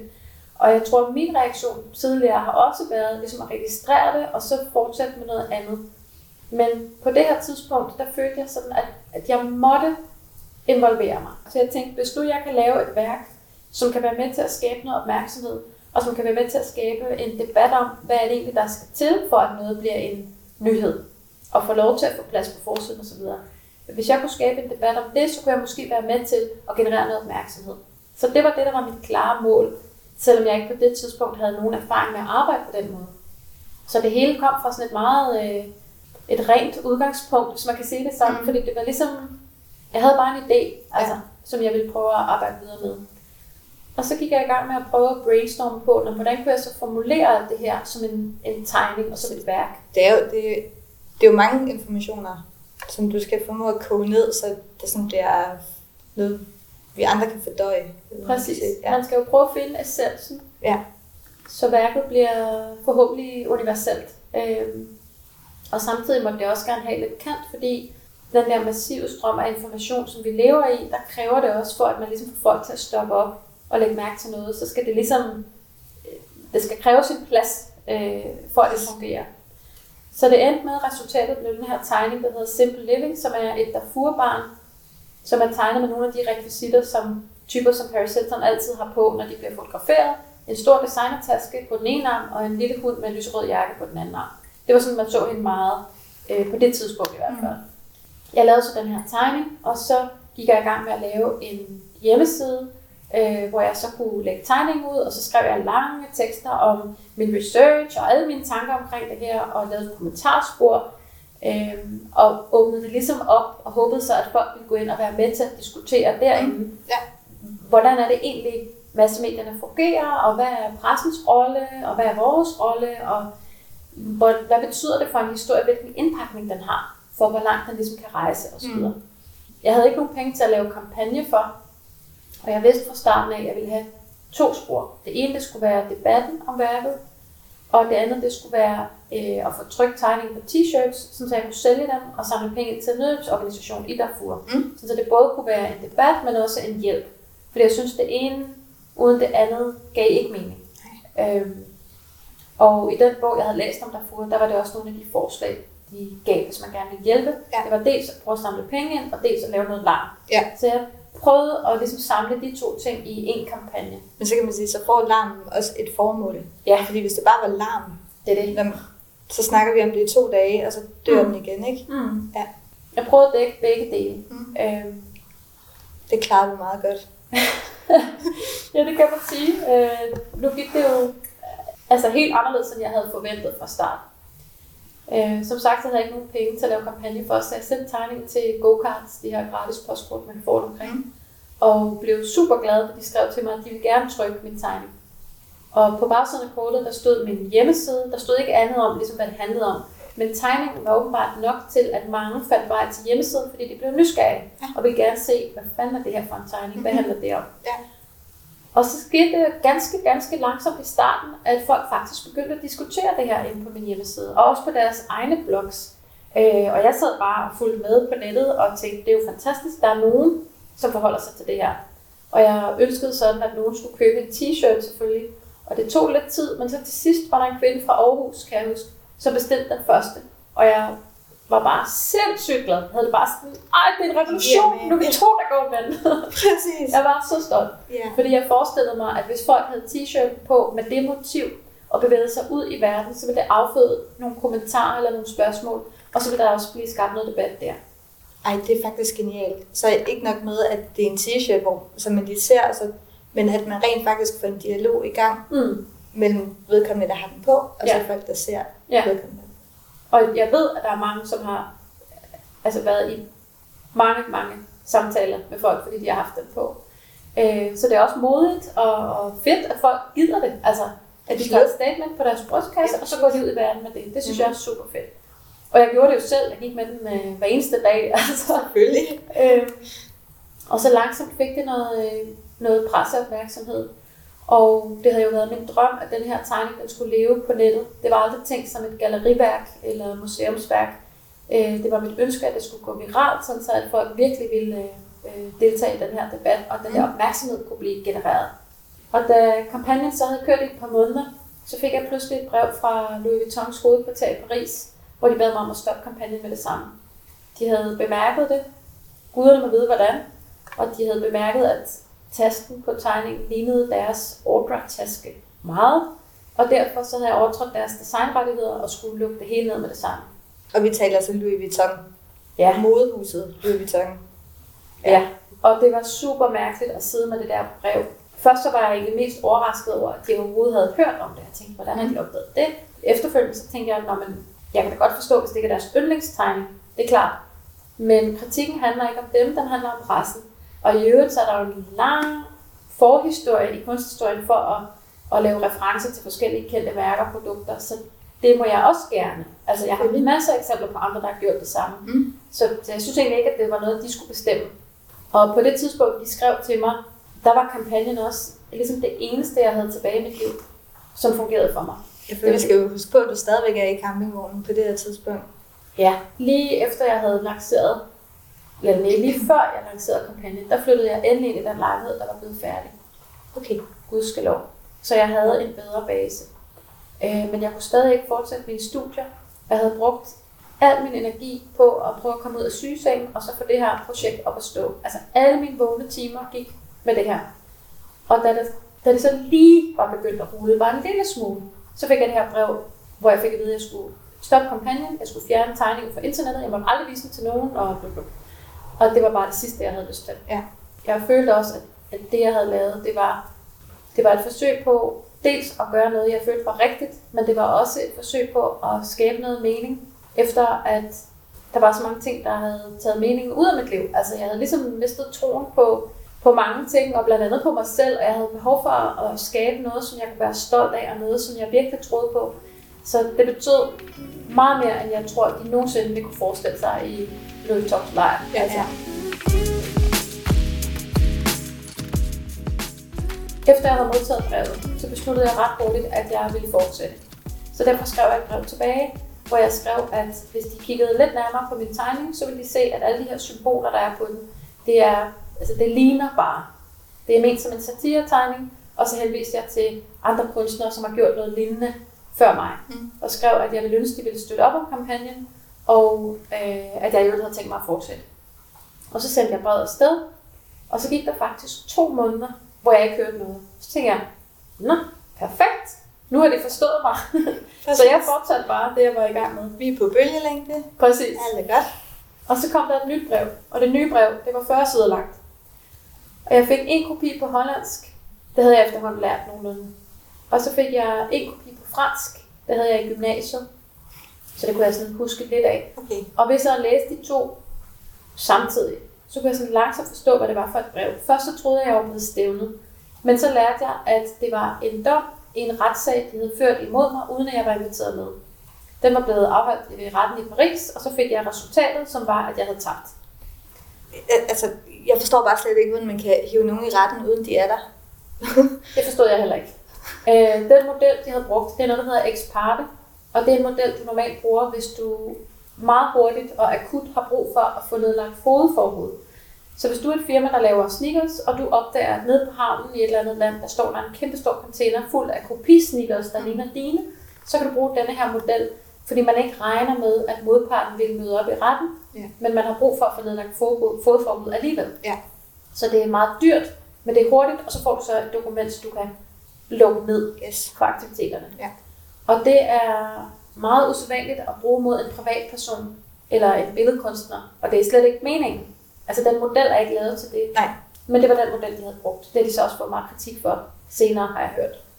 Øh, men derfor var det så lykkedes dem at overbevise en dommer om, at min tegning det var øh, en overtrædelse af deres designrettigheder, og at jeg skulle stoppe kampagnen. Så jeg kunne læse nu i den her dom, at for hver dag jeg fortsatte med at vise min tegning på min hjemmeside, eller sælge nogle af de her t-shirts, så skulle jeg betale 15.000 euro i bøde. Det er 112.000 kroner per dag. Per dag. Så der blev det bare... Øh, Ja, undskyld, jeg sidder og griner lidt, ikke? men det er fordi, det er så voldsomt. mm. Altså, man kan se altså, 112.000 kroner om dagen. Men det er jo også vanvittigt. Og beløbet er så højt, så det meget hurtigt bliver abstrakt, fordi Ja. altså, Om det så hedder 150.000 eller 100, Ja, det giver ikke det. Nej. og jeg blev super chokeret over, at jeg kunne tabe en retssag, som jeg ikke var blevet informeret om. Jeg havde ikke haft nogen mulighed for at forsvare mig. Øh, og så var jeg selvfølgelig dybt utilfreds med dommen, fordi jeg tænkte, jamen, altså dommeren har slet ikke hørt min side, og det her det handler om kunstnerisk ytringsfrihed. Altså, der er ikke noget logo på den her tegning. Det er en satiretegning. Det er der ikke noget nyt i. I hvert fald ikke på dansk grund, at man kan tegne sådan. Og jeg synes, det var vildt uretfærdigt. Og her talte jeg så rigtig meget med mine forældre, og især med min far. Øh, og jeg var meget frustreret, og jeg ville gerne fortsætte, men samtidig var jeg også sindssygt bange. Og så sagde han til mig, det er et meget stort firma at lægge sig ud med, men der er to ting, du skal gøre, hvis du vælger at fortsætte. Det ene er, at du skal få en advokat. Det andet er, at du skal ringe til pressen, fordi det her det er en principsag. Hvis du skal betale 112.000 kroner om dagen for at tegne noget, der ligner en taske, så skal alle kunstnere jo i princippet betale penge for at tegne noget, der ligner et eller andet andet fra vores moderne samfund. Og så er kunsten ikke længere fri. Så pludselig blev det ikke kun din kamp, men det blev jo alle kunstners kamp, Præcis. som du gik ind og tog. Og det var, det var ikke det, der var min intention fra start. Jeg slet ikke overvejet, at det her kunne blive et issue. Men pludselig stod jeg bare i den situation, hvor jeg var nødt til at vælge, hvor vigtigt er det her for mig. Altså både kampagnen, men også øh, kunsten. Altså det var, det blev pludselig sat meget, meget på spidsen, og jeg Ja. var ikke særlig meget i tvivl om, hvad jeg selv synes, der var det rigtige, men derfor var jeg stadig super bange. Altså, det er et stort firma, og jeg havde ikke nogen idé om, sådan, hvad får det af konsekvenser at fortsætte, og de retspapirer, jeg allerede havde læst, de var meget ubehagelige. Den måde, de havde ført sagen på, selvom jeg ikke var til stede, det handlede jo om at male et billede af mig som skulle vise, at jeg var en kold og beregnende, frygtelig person, som forsøgte at malke deres brand for egen vindings skyld, bla bla bla. Mm. Og det er jo ikke særlig rart at sidde og læse den slags om Nej. sig selv. Og slet ikke, når du ikke har haft mulighed for at forsvare det. Mm. Altså, Ja, det er sindssygt. og jeg synes, det var, det var meget voldsomt. Men samtidig selvfølgelig også, at det her det var ligesom det sidste, jeg havde tilbage, der gav mening for mig. Og jeg var nødt til at mande mig op. Altså, jeg ville så gerne fortsætte. Så derfor besluttede jeg at prøve, uden sådan helt at vide, hvad der så ville ske. Så næste morgen, så ringede jeg til en hollandsk avis, og forklarede, hvad der var sket, og spurgte, om de havde lyst til at skrive om det, og sagde, jeg synes virkelig, det her det er en vigtig principsag. Jeg får brug for noget opmærksomhed, hvis jeg skal have nogen som helst chance. Kunne I tænke at skrive om det her? Mm. Og det ville de gerne. Og så kom de hjem til mig for at se, at det var sandt, hvad jeg fortalte, og de læste den her dom. Og øh, næste dag, så skrev de så en lille billede notits om den her danske kunststuderende, som havde lavet en tegning, der var blevet forbudt, og hun skulle tage en dagbøde. Og de bragte ikke engang tegningen, faktisk. Ja. Det var kun en lille bitte tekst. Og alligevel, så gik der, jeg tror der gik tre timer fra avisen kom på gaden, til der stod fire tv-hold i min stue. Det gik så sindssygt hurtigt. Mand? Altså, alle journalister, de kastede sig over den her historie. Så den platform, jeg havde drømt om, den kom bare sådan der, altså overnight. Ja. Og først så var det den hollandske presse, så var det den danske presse, øh, så var det den svenske presse. Altså, jeg kan ikke huske rækkefølge på landet, fordi det gik så sindssygt hurtigt, men det Ja. spredte sig ligesom et steppebrand. Ja. Og da folk hørte, at tegningen var forbudt, så begyndte de at dele den fuldstændig vildt på internettet. Det er så fedt. Altså, den Altså- rejste bare, og jeg kunne bare sidde og følge med, og, og var bare ved at tude. Altså, Jamen, det er også noget af det, jeg elsker ved historien, ikke? Det er, hvordan kunst her, at det bare, altså, så det samler folk. Ja. Og, og så er man ligesom på en måde fælles om Ja. at sige til Louis Vuitton i det her tilfælde, at altså, det kan godt være, at I har penge, og I har en eller anden form for magt, men I, I skal også lige komme ned derfra, ikke? Mm. Altså, vi og folk, var, altså, folk var rasende, og, og Ja. især fordi øh, hele kampagnen gik ud på at indsamle penge til folk, som var øh, ved at blive udryddet. Ja, præcis. altså, folk kunne slet ikke forstå, at de gik så hårdt efter en studerende. Så den opbakning var jo vanvittigt rørende, og betød også sindssygt meget i den situation, hvor jeg ellers følte, at jeg stod helt alene, altså øh, over for noget meget stort, som var svært at navigere rundt i. Ja. Og så var det interessant at se, at, at det eksperiment, jeg havde forsøgt at lave med tegningen, hvor jeg ligesom tænkte, hvis man tager et Darfurbarn og giver ham nogle af de rekvisitter, man kender fra øh, berømtheder, hvis man blander de elementer og lader det cirkulere rundt, hvordan forholder folk sig så til det, og kan man så skabe noget opmærksomhed, og hvad sker der så? Og nu følte jeg, at, at fordi Louis Vuitton reagerede, så ligesom at se tegningen udspille sig i virkeligheden. Altså, på grund af dem, så blev der nævnt Ja. i, altså bogstaveligt talt, tusindvis af Præcis. medier. Så man kan sige, at de har faktisk været med til, at det er blevet meget større end øh, Altså, hvis de havde måske. ignoreret det, så Ja. var det ikke, tror jeg, blevet lige så stort.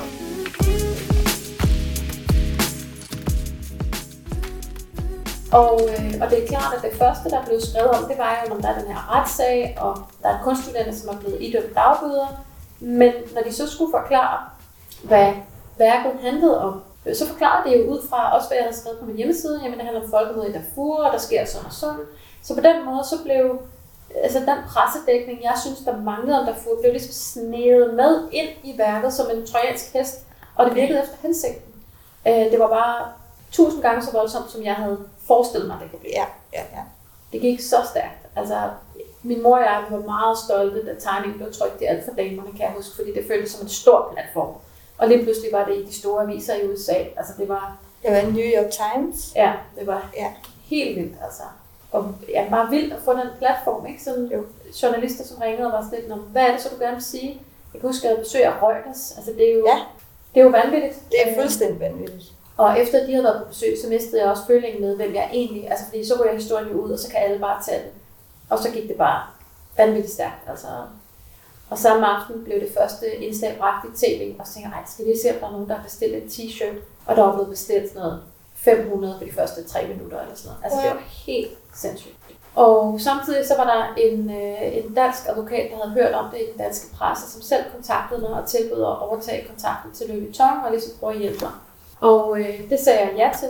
Og sammen med hans franske kollega, så forsøgte vi så at, at stable et eller andet forsvar på benene. Og han fortalte mig hurtigt, efter at have overtaget kontakt med dem, at de var rasende over, at jeg havde talt med pressen. og det nu var en historie, der var kommet ud. Så de havde sagt til ham, det første du skal gøre, det er, at du skal sige til hende, hun skal lukke munden. Hun må ikke fortælle om det her. Hun må ikke skrive på sin hjemmeside. Hun må ikke ytre sig. Det hele skal være privat. I stedet for, så skal I komme til et møde i Paris, så kan vi tale om, om vi kan finde common grounds, kaldte de det. Og jeg havde ikke lyst til at tage til det her møde, øh, fordi jeg havde læst alle retspapirerne, hvor jeg følte, at de virkelig angreb mig hårdt. Mega ubehageligt. Ja. Men advokaterne de sagde, det er din eneste chance. Du må prøve at forklare dem, hvorfor du har lavet det, du har lavet, og se om du kan overtale dem til at gå med, eller et eller andet. Ja. Og så tog vi så afsted til møde i Paris og tog til deres kæmpe mansion, som er et vanvittigt sted, fordi når man træder ind ad døren, så oplever man, at alt inde i det her hus, det har Louis Vuitton mønster.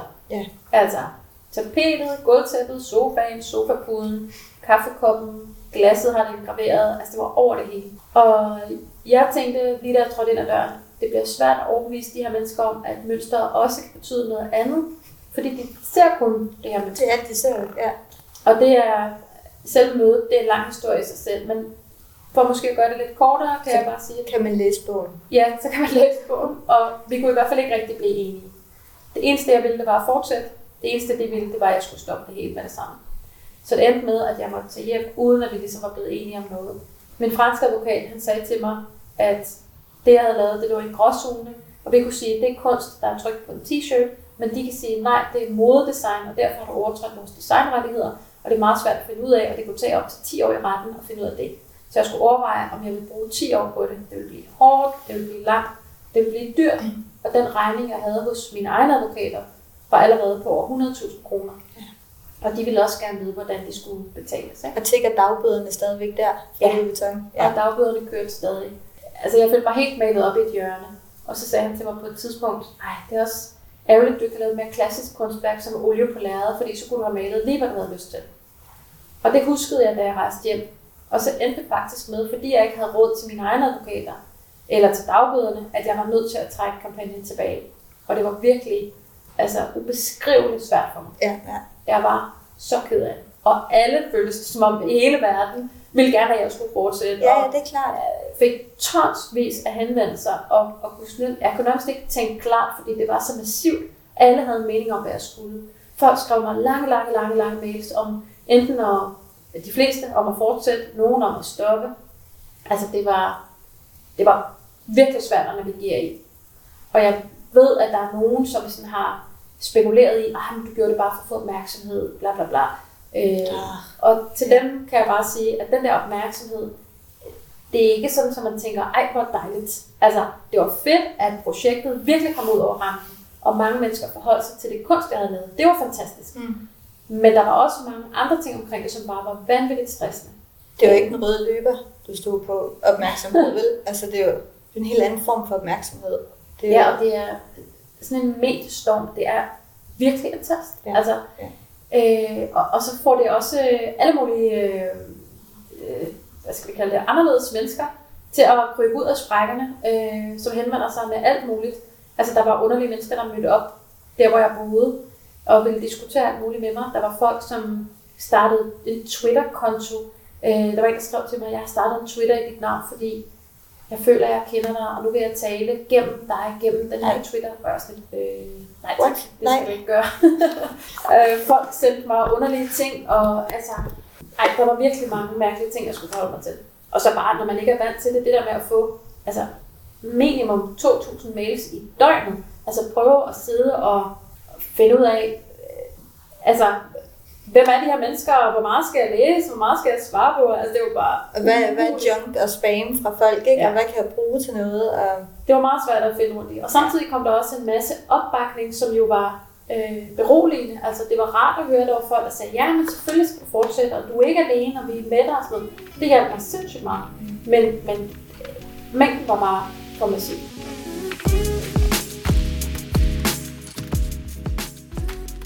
Før du faktisk trak kampagnen tilbage, Mm. så blev du inviteret til Oprah, Ja, det er rigtigt. Oprah Show. Ja, jeg blev spurgt, om jeg ville gå på Oprah Show. Og Altså, øh, Jeg sidder bare her og smiler nu, fordi det, det lyder jo som, det sker jo for ingen. Altså, det sker Ja. ikke for nogen i Danmark, skulle man tro. Mm. Det var også, øh, jeg vil sige, det var der, hvor det peakede. hvor jeg sådan tænkte, okay, nu er det, nu er det meget voldsomt med, med den pressedækning, der er, og, og den platform med så mange millioner seere osv. Og jeg sagde ja fra start, øh, men så endte det med, da jeg så trak kampagnen tilbage, at det tilbud det forsvandt. Øh, og nu tænker jeg, at det var godt, at jeg aldrig kom på, fordi jeg tror simpelthen med, med det stress, jeg følte for al den anden opmærksomhed, altså det var kun blevet værre. Og det er virkelig en mærkelig oplevelse at lave noget, som alle pludselig har mening om, og fortæller dig direkte. Ja. Altså det er, jeg har aldrig prøvet det siden, jeg har aldrig prøvet det før, og det var virkelig meget voldsomt. Men også fordi det er jo både godt og skidt, det der kommer. Mm. Det, eller det, der kom din vej der. Mm. Og jeg tænker, det her Simple Living, det er jo en forlængelse af dig på en måde, altså dig som mm. person, fordi ja. det er en sag, du brænder for, og noget, du synes, der er vigtigt. Mm. Så, og, det, og det er dig, der har tegnet det. Mm. Så i og med, at der kommer kritik på den front, ja. så er det jo en, kunne jeg forestille mig, mm. tog du det ikke også ind som en kritik af dig? Jo, absolut. Og, og hvordan, altså, hvordan håndterer man det?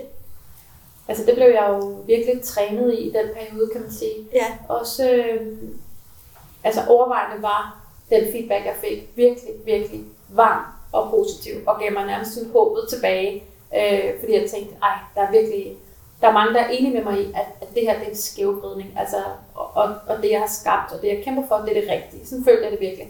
Men samtidig kom der også noget af det modsatte, og at få sådan øh, meget personlig hademail, øh, har jeg aldrig prøvet før. Og det er faktisk ret godt. Altså, når folk skriver til dig, sådan udpensler, øh, underting, ting, de har lyst til at gøre venner, eller de ved, hvor du bor, eller, eller bare sviner dig til. Altså, jeg var stadig ret sårbar, og det synes jeg var virkelig svært. Altså. Og desværre er det jo også sådan, at man husker de dårlige mails mere mm-hmm. end de mhm. gode. Ikke? Altså af en eller anden grund, så er det sådan nogle sætninger, der sætter yeah. sig fast. Yes. Og folk var virkelig, nogle var virkelig grove. Altså. Det er svært sådan at, at fortælle kort om den periode, fordi der simpelthen skete så mange ting. Altså. Men jeg synes også, det er en vigtig ting at få med, fordi det har vi to også talt lidt om, at man hører om en succes, mm. men man hører aldrig om det, der er lige imellem. Altså det, mm. Jeg tror, så er der samtidig mange, de afholder sig fra at øh, kaste sig ud i ja, sin kunst, eller hvad, hvad det nu er, man har lyst til at lave. Fordi man er så bange for det, man måske mm. kan ende i. Mm. Men det er jo heller ikke altid, man kan, man kan forudse, hvad det er, man, man havner i for noget. Men mm. på den anden side, hvis du ikke prøver, så sker der jo i hvert fald ingenting. Mm, præcis. Det er meget stærkt at høre den historie, synes jeg, i det hele taget. Fordi, uh... Der har også været en, en stor portion stedighed med. Altså, fordi selvom det var svært og stressende og hårdt og alt muligt, så var jeg jo stadig sådan, altså jeg blev ved. Fordi da jeg var nødt til at stoppe min kampagne, der vidste jeg med det samme, at jeg ville prøve at finde en eller anden måde at fortsætte på. Ja. Men udenom alle de her juridiske udfordringer, så måtte jeg finde yes. en måde. Og huskede, at advokaten havde sagt, at bare du havde lavet med klassisk maleri, eller klassisk værk, øh, så kunne du have malet lige, hvad du havde lyst til. Og det endte med, at jeg besluttede at lave en moderne version af Picassos meget berømte maleri Guernica. Øh, så kaldte jeg mit for La Furnica.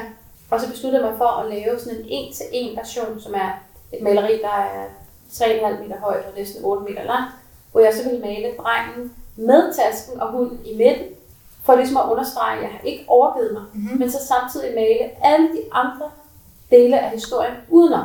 Altså eksempler på nogle af de der horrible historier, jeg havde hørt om Darfur, øh, samtidig med nogle af de Hollywood underholdningshistorier, som havde fået vanvittigt meget presseopmærksomhed i den samme periode. Alt det ville jeg gerne male sammen. Da jeg Picasso malede Guernica, der byggede det på øh, pressen fra hans samtid, altså sort-hvide avisfotos.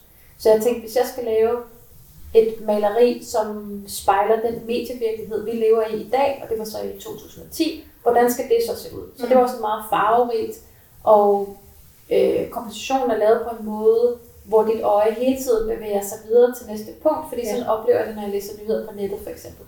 Så, så jeg prøvede også selvfølgelig, ligesom at jeg brugte tasken i den første tegning, til sådan at stjæle noget statussymbol og putte det på Darfur-situationen, mm. så brugte jeg også den status, som Gernika har som værk, til at tillægge noget betydning til et stykke historie i Sudan, som jeg synes var vigtigt. Præcis. Så det er jo lidt det samme, ligesom at stjæle en flot indpakning til at få en besked øh, leveret.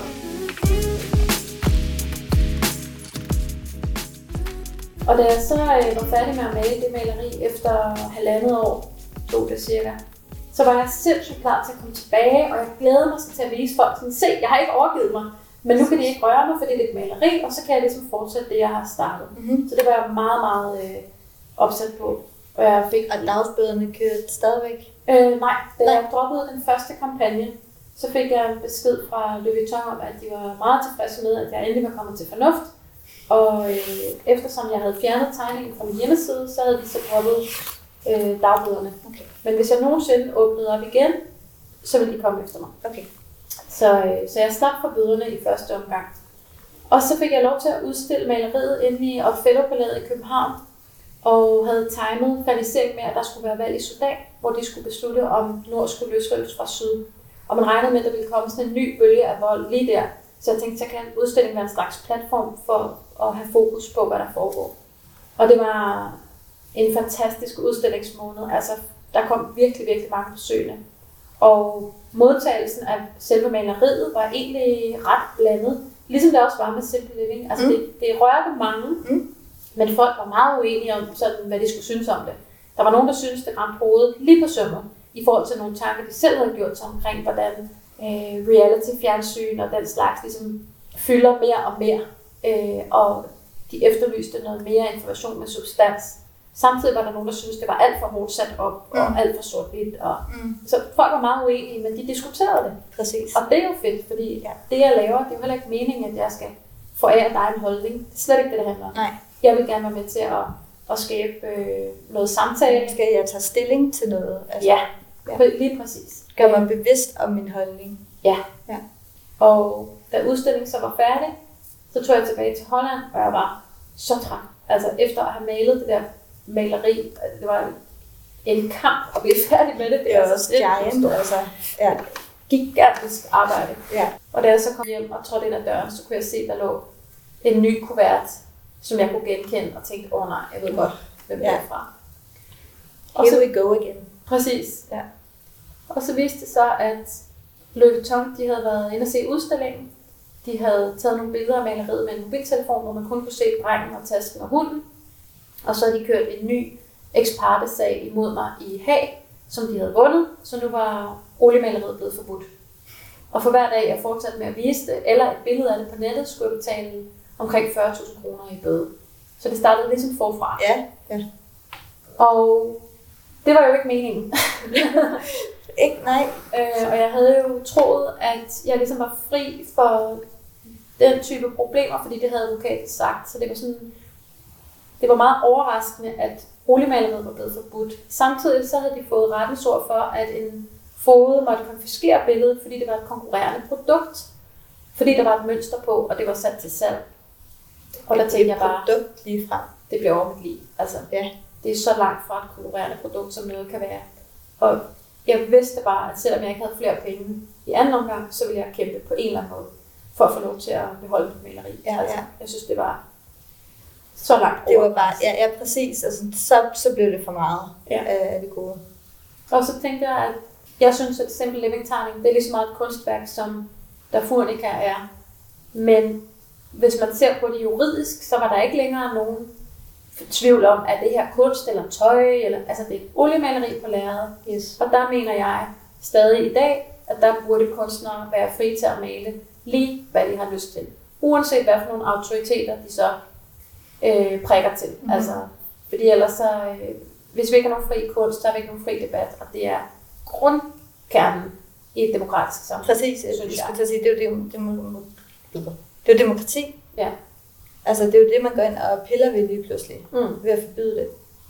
Og så er det jo noget mærkeligt noget, at altså, de fleste ved nok godt, eller har måske hørt lidt om, at der i, i voldsomme regimer rundt omkring i verden, der er det staten, der bestemmer, hvad kunstnerne må lave. Øh, og det kan være farligt, hvis du laver noget, der ikke er accepteret.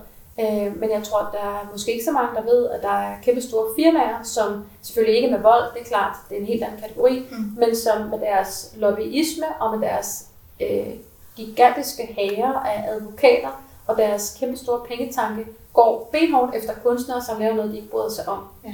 Og det er vigtigt at være opmærksom på, fordi jeg tror, når man er født i Danmark, og man er vant til, at vi har nok måske et af de mest frie samfund i verden, hvor man kan sige, hvad man tænker, og man må sige det højt, og man kan tegne og male, hvad man har lyst til osv., øh, så tror jeg at måske, at man nogle gange glemmer, at det også kan blive troet. Altså, Ja. da alt det her der skete, der var der enormt mange, der sagde til mig, nej, men hvorfor dropper du det ikke bare? Altså, mal dig noget andet. Ja. Og det synes jeg er et tydeligt tegn på, at man har glemt, hvor vigtigt det er Ja. at have muligheden. Ikke? Altså, Fordi jeg tænker, jeg tænker nemlig også, i hvert fald på vegne af nogle lyttere, er jeg sikker på, at jeg tænker, hvorfor lod du så ikke bare være med at male den taske? mm, Altså, mm, men det handler jo om meget mere, end- meget mere end bare en taske, ikke? Altså, vi bukker jo under, mm. hvis ikke vi tager den her kamp. Fordi så er alle dem med penge, og alle dem, der har en eller anden særlig status i mm. samfundet, de kan jo bare diktere alt Ja. i verden lige pludselig. Og så kan man sige, at de aller, aller største firmaer, de er også så meget til stede i vores visuelle bevidsthed, grundet deres massive reklamefremstød, at det er ligesom, de er så meget til stede i forvejen, at jeg synes ikke, at de samtidig kan kræve, at man ikke visuelt må bruge deres produkter, eller deres øh, reklamefremstød, eller hvad det nu er, de bidrager med. Altså på en eller anden måde sætte spørgsmålstegn ved det, eller øh, fundere over det, eller altså, øh, sådan behandle det i billedkunsten. Mm. Altså det synes jeg ikke, man kan kræve, når man er blevet så stor. Og da jeg tegnede tegningen helt fra start, der havde jeg ikke på nogen måde regnet med, at der ville blive nogle problemer. Øh, og med vilje ændrede jeg alle de her symboler, og jeg sørgede for, at der ikke var noget logo, og jeg følte ligesom, jeg havde lavet nogle tiltag for at vise, at det var en reference selvfølgelig, Yes. men det handlede ikke om dem personligt. Nej. Det var udgangspunktet. Men da jeg så stod på et tidspunkt og ligesom blev konfronteret med et nej og en nedlukning og sådan et forbud mod den her tegning, der følte jeg, at der var det meget vigtigt at beslutte, hvor vigtigt er det her for mig. Ja. Fordi det er jo først, når man, når man bliver presset ud i den situation, at man får muligheden for at kæmpe for noget, man tror på. Men en anden ting er bare, at selvom det føles enormt vigtigt, så ikke gå på kompromis med sin egen følelse, fordi ja, lige pludselig så bliver det en endnu større kamp, du går ind og tager, mm. End bare din egen Mm. personligt. Øhm, men, men alligevel at finde det mod frem, at det overskygger alt andet, det synes jeg er mega sejt. Altså jeg synes virkelig, det er sejt. Det handler meget om stedighed, tror jeg. Ja. Min egen personlige historie lige på det tidspunkt er også en stor del af det. Fordi det er klart, øh, når man lige umiddelbart taler om sådan en sag, så handler det meget om kunstnerisk ytringsfrihed. Men for mig handlede det også om essensen i det kunst, jeg havde lavet. At jeg følte, det var, det var forkert, at et folkemord ikke fik mere presseopmærksomhed. Alene ud fra en respekt for de mennesker, som bliver slået ihjel. Altså det var ligesom om, det var ikke vigtigt nok, det er blevet nævnt.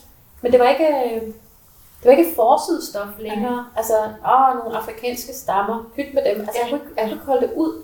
Og jeg tænkte, det kan ikke være rigtigt, at kunst, der handler om det, bliver forbudt af sådan et kæmpe firma, som producerer tasker. Nej. Altså, det er noget, det handler...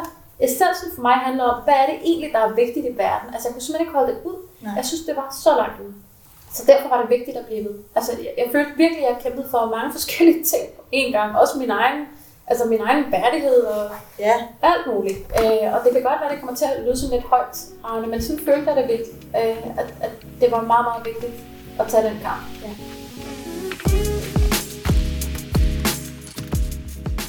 Der var mange billedkunstnere, øh, især i anden omgang med maleriet, som gik ind og støttede op om mig, og der føltes det som om, at vi også kæmpede sammen. Altså, jeg havde jo ønsket, at der skulle komme opmærksomhed omkring den nye sag, der kom ud af maleriet, fordi jeg vidste fra første omgang, at det var det eneste kort, jeg havde på hånden. Det var ligesom min stemme. Ja. Og så havde jeg været nervøs for, om journalisterne ligesom ville sige, men den sag, den har vi jo skrevet om med tegningen, så nu gider vi ikke mere. ligegyldigt. Men de skrev faktisk endnu mere om maleriet, netop fordi det var et maleri. Og det alligevel fik noget opmærksomhed, sådan at, nå, et oliemaleri, der er blevet forbudt i Danmark. Altså, der var mange, der ikke troede på det, før de så papirerne, ikke? Ja, ja. Så da jeg besluttede at kæmpe, så var det, det var virkelig fantastisk at have den opbakning med. ja. Og andre begyndte jo, som du også før har nævnt, at male. Ja. Øhm, altså ja. for at vise deres støtte og opbakning, ikke? Der var en gruppe tegnere og kunstnere, som gik sammen og tænkte, at det kan jo ikke være rigtigt, at den her pige, hun får dagbøder for at have malet noget, der ligner en taske på et maleri. Hvad vil de gøre, hvis vi alle sammen tegner tasken? Det. Og så begyndte der bare at komme støttetegninger, og det var, det var for vildt. Altså, jeg kan huske, at jeg sad foran computeren, og en af dem, han skrev til mig sådan, Hej Nadia, du skal bare vide, at vi har dannet den her gruppe, og nu prøver vi at hjælpe dig, og det her det er de første tegninger. Jeg, jeg kunne bare tude nu, altså Ja. ja. ved at tænke tilbage på det. Da jeg sad og åbnede de der filer der, jeg var bare, altså tårerne de trillede bare ned ad kinderne. Det var så rørende, alle de der mennesker, som altså kastede sig ind i kampen, ikke? Ja, man kan sige, at lidt, lidt den samme gnist, du fik, da du læste, altså da du sad der i campingvognen, ikke? Mm. Og læste fire linjer med Darfur, altså en Mm. hel side med Paris Hilton. Mm. Det er jo lidt på den måde, altså det er jo lidt den gnist, du så har skabt i de her kunstnere på en måde, ikke? At jeg føler, at de skulle ind og... Det var for vildt, at de, at de gik med. Og hver eneste ja. støttetegning, der blev lavet, blev også indberettet øh, til retten som et bevis. Fordi det endte jo med, at der så blev en stor sag. Ja.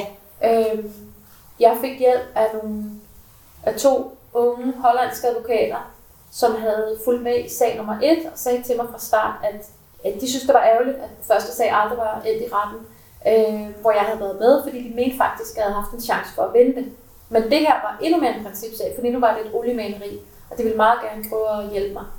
Og så måtte jeg forklare dem, at jeg havde ikke rigtig nogen penge, og jeg betalte stadig af på regningen til mine første advokater. Og så sagde de, det er i orden. Hvis nu prøver at lave en indsamling på din hjemmeside, så går vi bare i gang med at arbejde. Og så må vi finde ud af det senere, fordi det her, det vil vi gerne prøve at hjælpe dig med. Og jeg var sindssygt taknemmelig. Så der var mig, de to advokater, Jens og Christine, og så havde de en, øh, en assistent.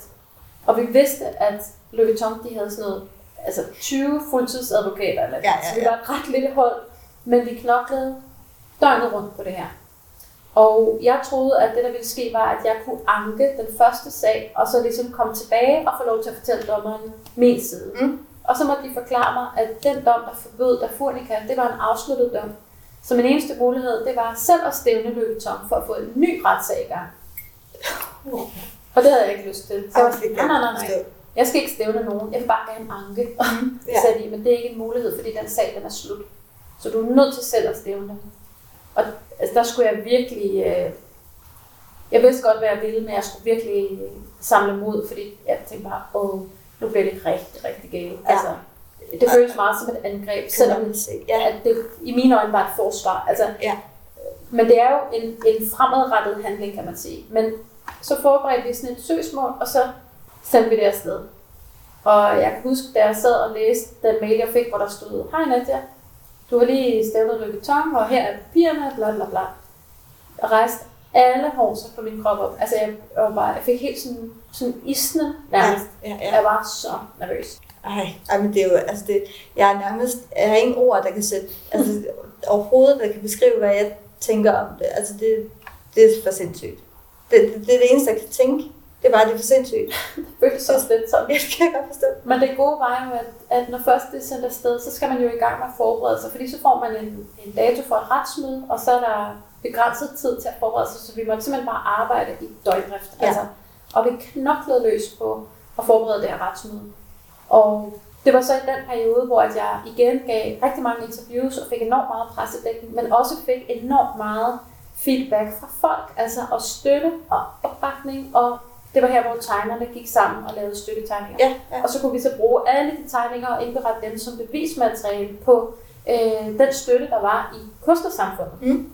Og det gjorde en stor forskel, da vi sad i retssalen, altså at kunne vise det til dommeren, netop at det ikke kun handlede om mig, men at der var andre stemmer derude, som følte, at det var en vigtig sag.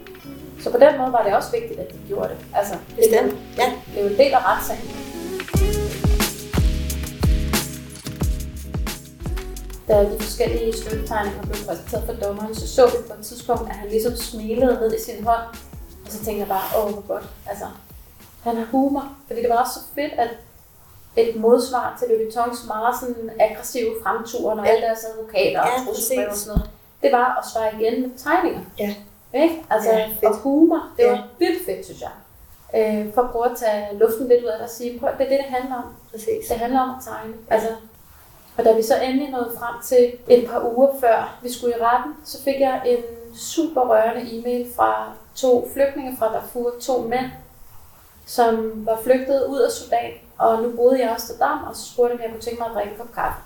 Og det ville jeg selvfølgelig gerne, og var meget sådan spændt på, hvad de havde at sige om det hele. Altså, og vi mødtes så på en café, og så fortalte de mig, at på vegne af The Darfurian Community, som de gerne sige tak for det arbejde, jeg havde lavet, og de var så glade for, at, at nogle af de uhyrligheder, som deres egen præsident har begået mod befolkningen, ligesom var blevet i talesat og havde fået noget mere presseopmærksomhed. Ja. Og nu var rygtet om, at en eller anden pige skulle i retten i Haag for at forsvare et maleri, der handlede om Darfur. Altså det var simpelthen noget hele vejen til en flygtningelejr. Det er fuldstændig vildt. Så nogen havde lavet en gave til mig. Et stykke Darfur kunst. Så overtrak de simpelthen den her gave, mens vi sad og drak kaffe. Wow. Og jeg sad bare og tudede. For pokker, altså. Jeg var helt færdig. Og så sagde de til mig, øh, før vi sagde farvel, at når nu jeg skulle i retten om 14 dage, så skulle jeg bare prøve at forestille mig, at jeg sad i verdens længste retssal, og at de alle sammen sad på min side. Nej. Ja. Og det var bare, altså, Jamen, altså, det var næsten ikke til at være i. det var så rørende. Ja. Det var det virkelig. Og jeg tænkte rigtig meget på det den dag, vi skulle i retten. Altså det, det var, øh, ja, det var meget, meget rørende. Men det er, og igen, det er også ikke- det, er det kunst kan, ikke også? Fordi, ja, det er en tegning, men det, men det er bare så meget mere end en tegning. Altså, det er ikke en taske, det er vi enige om. Men, men at det, det rammer folk nede i flygtningelejre, ikke også? Der bare mm. sætter så kæmpe stor pris på det. Det kommer jo til at handle om, ikke kun hvad man må tegne, men det kommer simpelthen til at handle om, hvad vurderer vi egentlig, der er vigtigt. Altså, Præcis. hvordan skal vi prioritere? Ja. Og vi knoklede jo i døgndrift, og da vi endelig nåede frem til den dag, hvor det så var den, altså for første gang, jeg havde chancen for at blive hørt i en retssag, Ja, i det her forløb, som efterhånden havde varet tre år. Altså, det var vanvittigt. Det er fuldstændig, Øh, ja, det er gang. Og vi havde kun 45 minutter, og det føltes bare som ekstremt kort tid til at Ja. forklare noget, som er så vigtigt. Altså, Ja. Men vi havde jo forberedt os så godt vi kunne, og da vi nåede frem til retssagen, der havde vi et et-til-et print med af Dafurnica, som vi gerne ville have med ind som bevismateriale, for at vise dommeren, hvad er det præcis, det her handler om. Øh, Så det var et, I fuld størrelse. det er ret sejt. Øh, og det var meget, meget svært at få det igennem sikkerhedskontrollen, og de der teknikere, de stod bare og rev sig i håret og sagde, nej, det her er det største bevis, vi nogensinde har haft i Haag. Ja, ja. Men vi ville bare have det med. Ja. Og da vi så endelig fik det igennem sikkerhedskontrollen, så klagede Louis Vuitton og ville ikke have det med. De synes, det var irrelevant. Så der var ligesom en diskussion mellem advokaterne og dommeren, før det hele startede, hvor han så til sidst endte med at at godkende, at det måtte komme med. Han ville gerne se det. Så det var super fedt. Ja, Altså. pokker det. Ja. Og så blev det installeret inde på bagvæggen i retssalen, og der var sindssygt mange mennesker, der kom for at være med. Øh, de hollandske tv-nyheder var med, og der var kunstnere og kunststuderende, og jurister, ju- jurastuderende, og en masse journalister, og alle mulige private mennesker. Der, altså, der var bare fuldstændig pakket. Og jeg var ved at dø af nerver. Altså, Ja. Ja, for helvede. Og advokaterne havde fortalt mig, at uanset hvad udfaldet blev, så ville det komme til at være en præcedens. Så det var virkelig en kamp for kunst. Wow. Ja. Ja. Så jeg følte bare sådan et kæmpe, kæmpe, kæmpe ansvar. Og jeg var så bange for, om vi kunne, om vi kunne gøre det ordentligt, altså om vi havde haft tid nok til at forberede os og alt muligt. Jeg vidste også, at dagbøderne de var nået op på 3,6 millioner kroner, så det er også noget, der, Det ligger også og summer lidt i baghovedet. ja, det er i hvert fald noget, der påvirker dit liv meget, hvis du skal slæbe rundt på så stor en gæld Det må man sige. fra tidligt i dit liv. Ikke? Og jeg tænkte, hvis jeg taber, hvad så med kunsten? Altså det vil bare være så stort et tilbageslag Ja. for alle mulige kunstnere. Ja. Altså hvis vi ikke må lave kunst, som refererer til vores forbrugersamfund, Præcis. mens vi lever i et Til forbrugersamfund, virkeligheden. Altså, det, det er jo bare virkeligheden. Helt skævt. Altså. Og så kom vi ind, og jeg var så nervøs, så jeg blev lidt dårlig i starten, og jeg fik sådan stjerner for øjnene, og jeg tænkte, ej, altså det er simpelthen så pinligt, hvis jeg starter med at falde ned af stolen og sådan noget. Men jeg, jeg var virkelig, virkelig nervøs. Og så fik jeg et glas vand, og jeg kom ned og sidde, og så gik det bedre. Det var ligesom, at der var noget adrenalin, der tog over, da det endelig galt. mm. Og jeg kan huske, da jeg så mig selv på tv bagefter, altså, jeg var bare helt hvid i hovedet. ja. Altså fuldstændig, og sådan lidt glænsende af sved. Altså jeg havde det bare super dårligt. Men så gik det i gang, og så skulle vi starte, og så kører det jo bare. Altså, og så er man jo super fokuseret, og, Yes. og mine advokater gjorde det vanvittigt godt, synes jeg. De præsenterede alle de pointer, vi havde forsøgt at, at skrabe sammen, før det hele startede, og de gjorde det savligt, og de gjorde det roligt, og, og vi forsøgte selvfølgelig at, at give et, et, øh, et forsvar, som handlede om, at det er vigtigt for en fri debat at have en fri kunst. Og det er vigtigt, at kunstnere derfor ligesom kan lave referencer til kendte mærker og produkter, uden at, at få nedlagt dagbøder, fordi det er en del af den virkelighed, vi lever i. Og vi prøvede at give en masse eksempler på andre, der havde gjort noget tilsvarende. Og så forsøgte vi også at bevise, at den måde, jeg havde brugt referencen til tasten, den var proportionel med virkeligheden. Forstået på den måde, at Paris Hilton faktisk går med den type taske. Lige præcis en Louis Vuitton-taske Lige på de første 100 fotos, som vi så prøvede at vise. Altså for at vise, at det var ikke noget, jeg sådan i ondskab havde fundet på. Nej, nej. Det er sådan, hun ser ud. Ja. Så hvis man gerne vil lave noget, der ligner hende, så er det oplagt at bruge lige præcis Lige den taske. Ja. Øhm, og da de var færdige med at fremlægge, så var der tre minutter tilbage, og så fik jeg en mikrofon, og så skulle jeg gå ned foran det her print, og så udpege alle de forskellige referencer, der er til andre Mm. store firmaer. Og der er rigtig mange. For at fortælle, at det ikke kun handler om Louis Vuitton, det her. Præcis. Ja. Der er for eksempel også to andre taskefirmaer. Mm. Øhm, så at det ligesom skulle være et Louis Vuitton-produkt, giver ikke nogen mening, Nej. hvis det handler om den reference, der er. Fordi der er også Facebook, og der er Paramount Pictures logoet, og der er en Hermès-taske, og en Chanel-taske, og alt muligt andet. Så det skulle jeg ligesom pege ud. Og så var det Louis Vuittons tur, og deres advokat var super aggressiv og råbte, skreg og slog i bordet og kastede med sine papirer, og var sådan meget dramatisk. Det var nærmest pinligt. Ja, det synes jeg. Øhm, og, øh, og deres forsvar handlede om, at de er øh, en virksomhed med en meget, meget, meget lang historie. Det har taget dem 150 år at opbygge så stærkt et brand, og derfor så er de nødt til at slå hårdt ned på enhver form for kopiværker øh, værker, øh, eller kopiprodukter, for ligesom at kunne bevare den styrke, de har som virksomhed. Ja, ja. Så det er lige meget, hvem det er, og hvorfor de gør det. Det er de nødt til for at kunne overleve. Og de mente, at jeg lige fra jeg lå i campingvognen, ligesom havde plottet og misbruge dem og voldtage dem for selv at blive rig og berømt. Og i øvrigt så havde jeg jo også sat det her maleri til salg for så og så mange penge. Og så kunne vi så fremvise en masse kvitteringer, som viste, at når jeg havde betalt leje for det atelier, hvor jeg havde malet det, og havde betalt malingen osv., så, videre, så var der øh, minus 500 kroner tilbage. Så Ja. hele deres sådan, idé om, at det skulle være øh, for økonomisk vindings skyld, blev sådan skudt ned lige med det samme. Fedt. Ja, det var rigtig fedt. øhm, og da det så var overstået, så skulle vi vente to uger på at få dommen. Og det var sindssygt lang tid. Altså, Jeg tænker også, at det ikke de, på en eller anden måde de værste to uger efterfølgende, fordi nu kan du ikke gøre mere. jo, Så nu der og det hele kører rundt i hovedet, og Ja. ja. bliver ved med at prøve at tænke over, fik jeg nu sagt det hele, og fik Ja. jeg sagt det godt nok, og hvad hvis vi vinder, og hvad hvis vi taber, og alt muligt. Mm. Og til sidst så nåede vi frem til den dag, hvor at dommen skulle falde. Og vi havde fået at vide, at den ville blive sendt ud inden klokken 2, og det var først klokken 5 minutter i 2, de sendte den ud, det er klart. Er det maj 11? Ja. Ja. Og øh, så ringede Christine til mig, og så skreg hun bare ind i telefonen. Ja, du vandt, du vandt, du vandt. Kunsten har vundet, og du skal ikke betale noget, og de skal betale noget, og vi skal lige læse detaljerne, men øh, du har i hvert fald vundet, så du skal bare komme ind, og så kan vi snakke om det. Og jeg brød bare fuldstændig sammen, altså, og tude på mit køkkengulv, og var bare helt færdig. Jeg var så udmattet, at jeg Ja. ikke havde løbet et maraton eller noget. Altså, Ja, fordi jeg tænker også, at det ikke ja, lige så meget udmeldelsen, der overvind, altså der overvælder dig lige Mm. der. Altså så kunne jeg også forestille mig en eller anden form for lettelse, men bare, det hele det kulminerer bare lige Jo. på en gang. jeg var færdig. Ja, Og, og så begyndte telefonen at ringe, fordi så ville alle journalister selvfølgelig gerne have en kommentar. Og når jeg læser, hvad jeg selv har sagt lige den dag, så er der intet af det, der giver mening. Altså, Nej. jeg har simpelthen bare været totalt forvirret. så man var bare højt på Og kunne slet ikke... Nu vil jeg ønske, at jeg kunne få lov til at formulere Ja, alt muligt om det. Det kan jeg jo så nu. det kan du godt. Men altså, hvis jeg ligesom havde været lidt mere, lidt mere ved mig selv, så ville jeg have sagt noget om, hvor vigtigt det var for kunsten. Ja. Altså, hvor stor en dag det egentlig var, ja. lige i forhold til den type censur. Ja. Fordi det var det virkelig. Fordi nu ligger der den her dom. Så hver eneste gang en kunstner ligesom kommer i clinch med et firma om noget tilsvarende, så er der noget, der hiver i den rigtige retning. Og det er jeg sindssygt stolt af. Det er, er for pokker da, det skal du være stolt af. Og det er jo så stort. Og det er bare så fedt, at der kom noget konkret ud af det. Ja, og ikke bare, du ved, øhm, at, at det der med at vinde for at vinde, Mm. men at, at det er fordi, det er noget, der kan bruges fremover. Ja. Altså det her, det giver mening for så mange andre mennesker også Ja. fremover og i al evighed.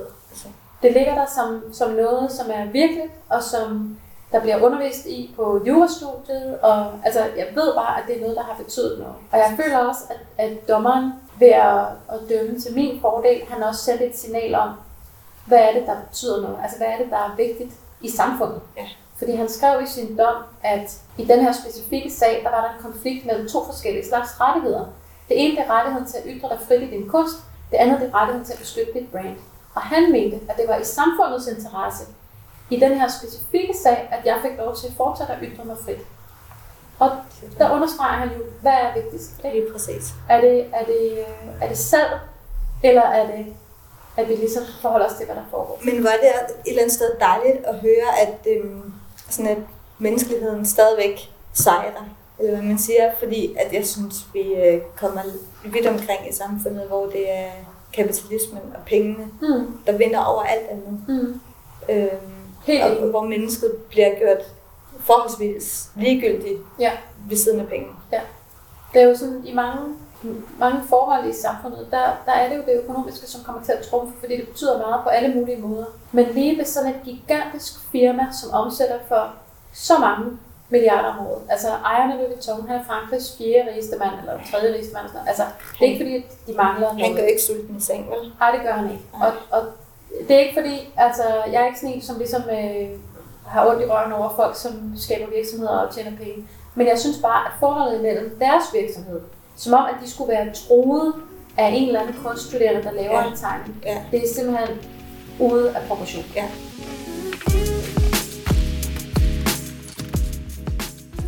I øvrigt så, øh, så skrev dommeren i sin dom, at Vuitton de skulle betale 15.000 euro for at dække mine sagsomkostninger. Men mine sagsomkostninger de var på 80.000 euro. Så jeg havde sådan en kæmpe, Ja. sådan en kæmpe hængeparti. Ja, Øh, og 65.000 euro, det er jo vanvittigt mange. det er mange penge. Altså, det er rart, det ikke var 3,5 millioner danske kroner, men det er stadig mange penge. Og så holdt jeg et møde med Jens og Christine, hvor de spurgte mig, hvad der var kommet ind øh, i den indsamling, jeg havde lavet på min hjemmeside. Og jeg fik 30.000 danske kroner af Billedkunstnerforbundet, Okay. som var en fantastisk hjælp. Og Absolut. fedt, at de ligesom gik ind og, og støttede op. Ikke? Bestemt. Og så havde jeg fået sådan noget, jeg tror det var 4.017 kroner eller sådan noget fra forskellige privatpersoner. Ja. Så det var virkelig ikke særlig meget. Nej, det i et sort hul. Ja, det gjorde det Ja. virkelig. Men så endte det med, at advokaterne de sagde, jamen så, hvis det er det, du har, så er det det, regningen byder på. Så det var fuldstændig fantastisk. Det må man lige lov sige. Hold op. Ja, det var en kæmpe hjælp.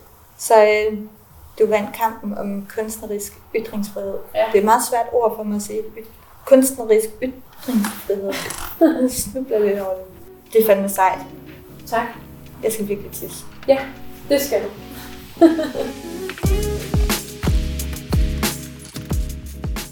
Da jeg lå i campingvognen og, øh, og alt var elendighed, der forsøgte jeg jo også øh, på forskellige vis at finde et eller andet klammer mig til for at komme videre. Blandt andet læste jeg altså alverdens forskellige slags selvhjælpsbøger og alt muligt for at finde et eller andet at klamre mig til. Og det var jo igennem de bøger, at jeg så fandt nogle brudstykker, som jeg følte, jeg kunne bruge. For eksempel ideen om at lave øh, en vision wall. Ja, jeg hæftede mig ved den vision wall. Det synes jeg var ret sejt. Så Mhm. det må meget gerne fortælle lidt om. Øh, men det handler jo i virkeligheden om, at man i stedet for bare at have nogle drømme i hovedet, skal prøve at få dem ud fysisk, og så lave øh, en væg eller et sted, hvor man så hænger billeder op af alle de ting, man gerne vil opnå. Og øh, mens jeg lå i campingvognen og begyndte at få alle mulige øh, drømme, og måske også lidt håb ind i den elendighed, der ellers havde hersket i flere måneder, der betød det sindssygt meget for mig at prøve at have et eller andet visuelt, jeg kunne forholde mig til, som var noget, jeg ønskede mig.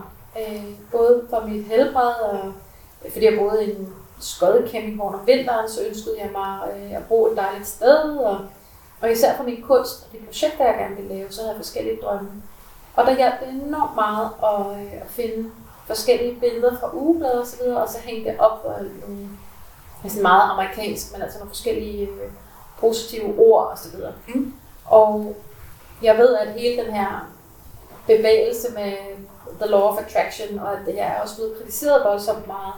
Øh, fordi det er klart, at hvis man har det helvede til, så kan man ikke sådan med tankeskraft alene løfte sig ud af det. Bare ved at forestille sig, at nu bor man i en eller anden lækker villa på Strandvejen, eller hvad folk nu har lyst til. Men jeg tror, at der er et eller andet element i det, som kan virke øh, af andre grunde. Altså det, hvis man gerne vil bevæge sig fra A til B, så hjælper det at have en eller anden form for krykker på vejen. Ja. Og for mig har det betydet meget at kunne se på en væg, når ja, det er det her, der er mit mål. Ja.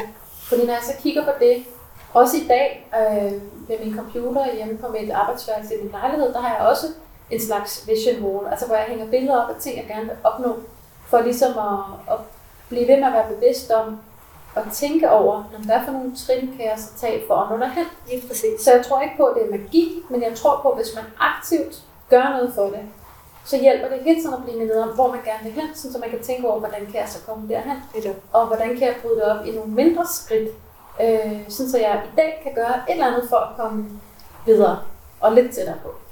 For eksempel, send en video til Nadia Plesner. For eksempel. Det er meget konkret, ikke? Jo. Men så har man da gjort noget. Mm. Øhm, det var det, jeg gjorde til dig. Ja. Det er derfor, vi sidder her i dag. Jeg tror også meget på, øh, at man kan komme sindssygt langt ved at bede om hjælp. Og det er også noget, jeg læste i en eller anden amerikansk succesbog, mens jeg lå i det der kæmpe men som jeg har taget med mig, hvor en succesrig forretningsmand forklarede, at når han ringede rundt til folk for at bede om hjælp til forskellige projekter, eller hvad det nu var, han skulle bruge det til, så prøvede han at opfatte hvert eneste nej, han fik, som kortere vej til det næste ja. Og når man Ja. tænker på det på den måde, så føles det ikke lige så meget som et nederlag at få et nej. Fordi så tænker jeg sådan, Nå, så er det nej ligesom er vejen, Yes. fordi så er der et nej kortere til, at en eller anden må jo sige ja på et tidspunkt. Der er så mange milliarder mennesker i verden, så hvis den idé, jeg har fået, den holder i et eller andet omfang, så må der være nogen, der siger ja på et tidspunkt. Ja. Altså det er jeg nødt til at tro på. Det tror jeg mange øh, sådan i callcentre ja, kunne klamre, kunne Gud. klamre sig til Ja. den. Åh, ja. Det er så den teori i, i værste øh, udgave. Men ja, ja. Helt sikkert. Øhm, men det vil jeg sige, det har jeg brugt meget. At det, øh, det fik mig bare til at tænke over det på en ny måde. Og tænke over, når man, hvis jeg gerne vil starte et eller andet op, om det så har været et kunstprojekt, eller øh, nogle af de projekter, jeg har lavet gennem en forening, jeg har, som handler om at sende hospitalsudstyr til forskellige lande. Øh, når man ikke ved fra start, hvordan man gør den slags, så har man brug for at snakke med nogen, der ved det. Præcis. Og jeg har virkelig fået god respons ved bare at sætte mig ned og tage telefonen og ringe til nogen, som jeg tror kan hjælpe mig. Ja. Og jeg vil sige, 9 ud af 10 gange, der er folk sindssygt søde og positive. Og det er ofte sådan, at hvis du sidder i en position, hvor din viden kan hjælpe nogen, øh, så vil du måske gerne hjælpe dem videre. Altså hvis folk ringer til mig og beder hjælp til et eller andet, så vil jeg egentlig også gerne prøve at hjælpe dem, Ja, så godt jeg kan. Så det er min oplevelse, at hvis man tør ringe eller skrive, så kan der komme rigtig meget godt ud af det. Ja. Øhm, Hvad hang du op på din øh, vision wall? Altså som du faktisk også kan sige, okay, det er opnået. Altså, jeg hængte blandt andet min tegning op, da den var færdig. Og så skrev jeg nogle forskellige udsagn, øh, som om det allerede var sket. Mm. Altså, øh, jeg er så glad, fordi min tegning af Simple Living er blevet trykt i og så et eller andet magasin, eller en eller anden avis, eller hvad det nu kunne være. Og så kunne jeg jo, øh, altså lige med denne her kampagne i hvert fald, krydse rigtig mange af dem af, fordi så skete det. Altså, og jeg tror ikke, det er magi. Jeg tror, det er også tilfældigt, fordi der kom den her sag og så videre. Men, men meget af det, der skete, det havde jeg mindset, forestil mig, altså det der med at skifte sit mindset til, at det er det her, jeg, jeg vil hen imod, i stedet for bare at blive i den der Ja. øh, miserable Mm.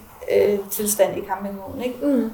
Og hvis du gerne vil have øh, dit kunstværk trykt i x antal vigtige magasiner, fordi du har en plan med det, øh, jamen så det første, du kan gøre, det er jo for eksempel at sende dem øh, tegningen og eller t-shirten og beskrive, hvad det handler om. Altså, så der var også meget aktivitet i det, Ja. ja. og noget af det så resulterede i, at de sagde ja, og nogen ignorerede det, men, men altså, det er jo lige meget, fordi så længe man hele tiden kommer lidt fremad, så opnår man det jo øh, stille og roligt. Lige præcis. Og så synes jeg, at hvis man først har haft modet til at prøve at, at bede om hjælp til nogle ting, sådan så man kan komme videre med de ønsker og drømme og projekter, man har, og man oplever, at det rent faktisk virker, så husker man det også. Ja. Så når jeg sidder nu og tænker tilbage på, hvordan jeg har brugt det på forskellige måder i mit liv, så husker jeg mest dem, der sagde ja. Og der er sikkert mange, der har sagt nej, men det kan jeg ikke rigtig huske. Nej. Altså jeg kan bare huske, nej, så var der en, der sagde ja, og så gjorde vi, og Præcis. Fordi det var det, der var årsag til, at du kom det skridt længere, præcis. det skridt længere, det skridt længere. Mm. Sidste år i januar, der øh, satte jeg mig for, jeg har en forening, der hedder Simple Living Komiteen, som er jeg startede i 2008 i kølvandet for alt det her. Og det er en forening, som bruger øh, kunst som en slags platform til at lave forskellige humanitære projekter. Og det, som vi har arbejdet på senest, det er at bygge en ny skolebygning til et børnehjem i Tanzania, som jeg har samarbejdet med siden 2010. Og i forbindelse med det byggeprojekt, der manglede jeg at få samlet de sidste penge ind til at få det gjort færdigt, fordi den sponsor, som egentlig skulle betale det hele, han blev kørt ned undervejs. Okay. Og det var verdens mærkeligste tilfælde, at det største projekt, jeg har lavet inden for den forening, jeg selv har startet. Og foreningen blev egentlig startet, efter at jeg selv blev kørt ned og besluttede ja. mig for at ville lave noget af den her type arbejde og bruge en del af mit liv på det. Ja. Så ender det med, at det allerstørste projekt, vi forsøger at eksekvere, bliver bremset af en ny trafikulykke. Altså ja. det var bare sådan super underlige... Som om det hele bare sådan cirkulært. Ja. Mærkelig... Øh, Kører lige ring. Mærkelig krølle Ja. på hende. Altså, Ja, totalt. og meget frustrerende ligesom at blive stoppet midt i et projekt. Og det brugte jeg lang tid på at være ked af og frustreret over og forsøgte at fundraise uden held, indtil at et af mine bestyrelsesmedlemmer i foreningen sagde, hvad med hvis vi laver sådan en indsamlingsevent selv? Altså, ligesom alle mulige andre gør. Ligesom Ja, vi ja. gør på tv, og vi laver bare det selv. Og øh, vi kender jo øh, alle mulige mennesker, øh, det gør vi sikkert, altså hvis nu vi tænker Ja, os ja. lidt om. Og så får vi nogen til at være med. Mor, far. Ja, præcis. Øh, og, og da han ligesom var kommet med den gode energi, så var jeg helt sådan, ja, altså det føltes også meget øh, forfriskende at selv gå efter noget, i stedet for bare at sidde og være trist, ikke? Ligesom at bruge i campingvognen. Ja, Men ja. jeg skulle lige sådan mindes om det. Ja. Og så sad vi og snakkede om, okay, vi vil gerne lave sådan en indsamlingsevent, hvor vi gerne vil sælge nogle billetter, folk skal komme og få en fed kulturel oplevelse. Hvem kunne vi så finde på at invitere til det? Øh, og hvor det ligesom ville have en eller anden relation til det projekt i Tanzania. Nå, hvad nu hvis vi spørger øh, Nikolaj Kirk? Han er en populær foredragsholder. Han er sindssygt dygtig. Folk kender ham fra tv. Han er fantastisk. Han er en dygtig formidler. Han ved masser om Afrika. Måske hvad han... Altså, og da jeg så spurgte ham, så sagde han ja lige med det samme. Så har vi et navn. Hvem skal vi så spørge? Altså du ved, og på den måde, så lykkedes det at få nogle rigtig gode navne. Og øh, så skulle vi selvfølgelig bruge et sted. Og så lavede vi sådan en liste over steder, hvor vi tænkte, okay, hvis vi kunne få alle steder i verden gratis, hvem, vil- hvor vil vi så helst holde det? Mhm. Hvis nu vi bare lader os som om, at det kan vi. Ja, ja. Okay, så vil vi gerne holde det i, på Bremen Teater i København. Det vil ligesom være det vildeste. Og der var ikke nogen af os, der regnede med, at det kunne lade sig gøre, fordi Nej. det er Bremen. Altså, Ja, ja, helt ærligt, ja. og jeg var slet ikke klar over, om de gør den slags gratis og alt sådan noget. Men så ringede jeg til chefen for Bremen, og så prøvede jeg at forklare om børnehjemmet i Tanzania, og hvad det var, vi prøvede at gøre for dem, og hvorfor vi mente, det var en stor hjælp med den her skolebygning, og så videre, så videre, så videre. Og nu skulle vi holde den her event, og om ikke han synes, det var en god idé at holde det på Bremen. Og så sagde han ja. Og der var jeg bare sådan, what? What? Men det var bare så fedt. Altså, det var, Det der med, man, man skyder mod stjernerne, ikke? Jo. Altså, når man rammer dem, altså det er jo... det var for vildt. Ja, altså. det er for vildt. Og så var der, jeg tror, der var sådan en dato, vi kunne få, fordi sådan er det. Men det var jo fuldstændig lige meget. Ja. fordi vi var bare så taknemmelige. Ja. Og de stod på hovedet for at gøre det lækkert for os, og det var en fantastisk oplevelse, og så fik vi samlet de penge, vi manglede. Så det var, altså det var fandme et mirakel. Men der stod det mig bare, altså tænk, det er en telefonsamtale, der måske tager 12 minutter, så var det åbnet, ikke? Ja. Og så var vi så langt. Og det, øh, det er meget rørende, og det er meget fantastisk, og det er fedt, at der er så mange gode mennesker rundt omkring, som har lyst til at hjælpe med alt muligt. Jeg tror, der sidder nogen derude og lytter med og tænker, er det, er det virkelig bare det? Og et eller andet sted, ja, det er det bare, men, men der, jeg tror også, der er et eller andet noget frygt, eller et eller andet sådan usikkerhed, Mm. øh, som skal overvindes, før man tør at gribe knoglen og Mm. ringe til Nikolaj Kirk eller Mm. Bremen, direktøren for Bremen. Helt sikkert. Hvad, sad du også i den, eller var det bare at gøre det? Mm. Øh, tænkte du ikke? Jo, jeg bliver også nervøs. Selvfølgelig gør det. Øhm, men nu har jeg efterhånden prøvet nogle gange, at folk siger ja. Og, og det gør det, altså så er det det værd, kan man sige. Ikke? Og hvis de så siger nej, så prøver jeg virkelig at bruge den der meget amerikanske måde at tænke på. Jeg tænker, men så siger den næste nok ja. Altså, Præcis. sådan rent teoretisk, så må nogen jo sige ja, fordi det er et fedt projekt. Altså man er nødt til selv at tro på det. Ja. Øhm, det jeg spørger om, det er jo, er der nogen, der gider lægge hus til? Er det en masse frivillige knokler for at hjælpe nogle børn med at få en uddannelse? Og det tænker jeg, det er så godt et projekt, at nogen må sige ja på et tidspunkt. Ja. Det håber jeg i hvert fald. Ja, ja, Ja. Ellers så må vi finde på noget andet. Altså, så må vi gøre det i stuen, eller altså, du ved, Ja, ja. men jeg er nødt til selv at tro på det. Og så er det min erfaring, at hvis man selv tør at gå forrest med det, man laver, Mm. så er det meget lettere for folk med. Altså jeg har prøvet, øh, måske mest i foreningssammenhæng, at jeg har bedt nogen om hjælp, som har sagt nej, og så efter nogle år, så de kommer tilbage og sagt, okay, vi vil gerne være med alligevel, fordi vi kan se, at du mener det. Ja. Men vi har bare oplevet mange unge piger med en eller anden idé, Ja, ja. hvor det aldrig bliver til. En god idé, og så en måned efter, så er det pludselig noget andet. Ja. Præcis. Ja. Øh, men hvor, hvis man så ligesom beviser, at man selv arbejder hårdt for at få det til at lykkes, jamen, så vil folk gerne være med. Det er jo også nogle gange sådan, at folk ikke har lyst til at være med, og det er også fint. Men der sker ikke noget ved at spørge. Altså.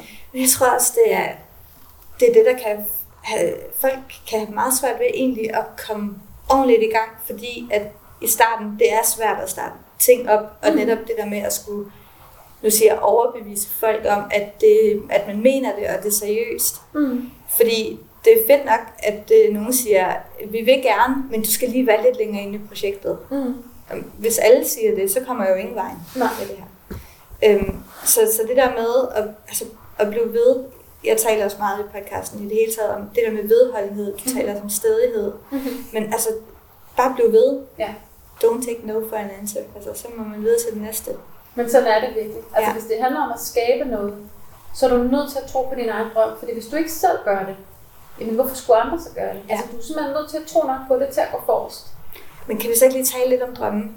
Jo. Fordi det er vi ikke særlig gode til herhjemme. I hvert fald ikke højt og åbent. Mm. Og tit så er drømmen sådan noget, vi måske går med selv, men vi skal i hvert fald ikke sige det højt, fordi Mm. så er vi sådan nogle, der tror på enhjørninger op på en lyserød sky og sådan noget. Mm. Hvad er dit forhold til det her med at drømme? Er det vigtigt?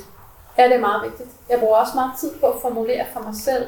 Øhm, både sådan taknemmelighed over ting, der er sket, bare for at huske det. Nogle gange så kan man godt sådan blive optaget af de ting, der ikke lykkes. Ja. Øh, og det er sådan dårlig energi, så jeg prøver at være meget opmærksom på ting, der lykkes. Og hvis jeg for eksempel får en super fantastisk mail med et tilbud om et eller andet, eller hvad ved jeg, så printer jeg ud og hænger den op, for sådan at huske, ej, det der, det var fandme en god dag. Altså, Ja, ja. Prøv at se en gang, at jeg fik en mail fra den person, eller hvad det nu kan være. Ja. Øh, jeg formulerer meget drømme og mål hele tiden. Mm. Og så gør jeg status bagefter. Og forsøger også sådan at lave lister over, ej, øh, ting, der lykkedes for mig, som jeg har kæmpet for. Og, øh, og det er selvfølgelig ikke alt, jeg har på min drømmeliste, som jeg har opnået, men, men så længe at noget af det lykkes, eller man kommer et skridt nærmere, så prøver jeg ligesom at, at fejre det. Ja. Og så øh, min gode ven, Tommy Krabbe, som er det øh, bestyrelsesmedlem, jeg nævnte lige for lidt siden, Ja. i forbindelse med ideen om Bremen Teater. Han er en ven, som jeg har fået, fordi han mødte op til mine udstillinger, der furte i Kanye og han havde sådan fulgt lidt med i min kunst, og så kom han ind, og så præsenterede han sig selv. Og på det tidspunkt, der arbejdede han meget med at skrive forskellige ting om ildsjæle. Mm. Og spurgte, om han måtte skrive øh, om mig. Og så lærte vi hinanden at kende, og så endte med, at vi bare blev sindssygt gode venner. Og han introducerede for mig på et tidspunkt begrebet øh, at have en body, som han havde hørt om et eller andet sted, det kan jeg ikke huske hvor, men hvor man ligesom bruger hinanden, både som venner, men også som en slags sparringspartner. Mm. Sådan så, at du, især som iværksætter og selvstændig, ligesom har et eller andet menneske, hvor du kan lufte alle dine tvivl og angst osv., men også drømme stort og, og ligesom spælge i alt det, der er gået godt, og, Ja. og støtte hinanden i det, øh, på sådan en ret anti-jantelov-agtig måde egentlig. Fedt. Og spurgte, om jeg kunne tænke mig at være hans body.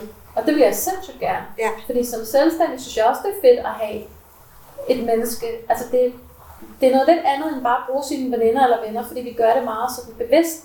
Ja. Og så holder vi for eksempel øh, hvert år en julefrokost, hvor det kun er ham og jeg. Så går vi ud og spiser noget lækker mad, og så sidder vi og gennemgår på skift.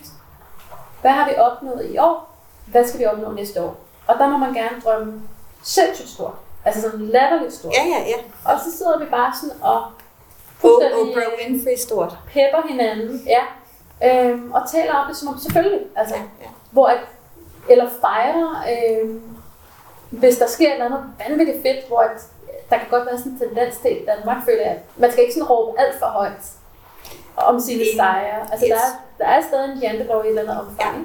Men jeg synes, det er så fedt at have ham, og have det der rum, hvor vi bare kan, der er ikke nogen grænser for, øh, hvad, vi må, hvad vi må drømme om, og hvor meget vi må fejre de gode ting, der sker. Og det er jo super motiverende, når man gerne vil blive ved med at lave det. Lige præcis.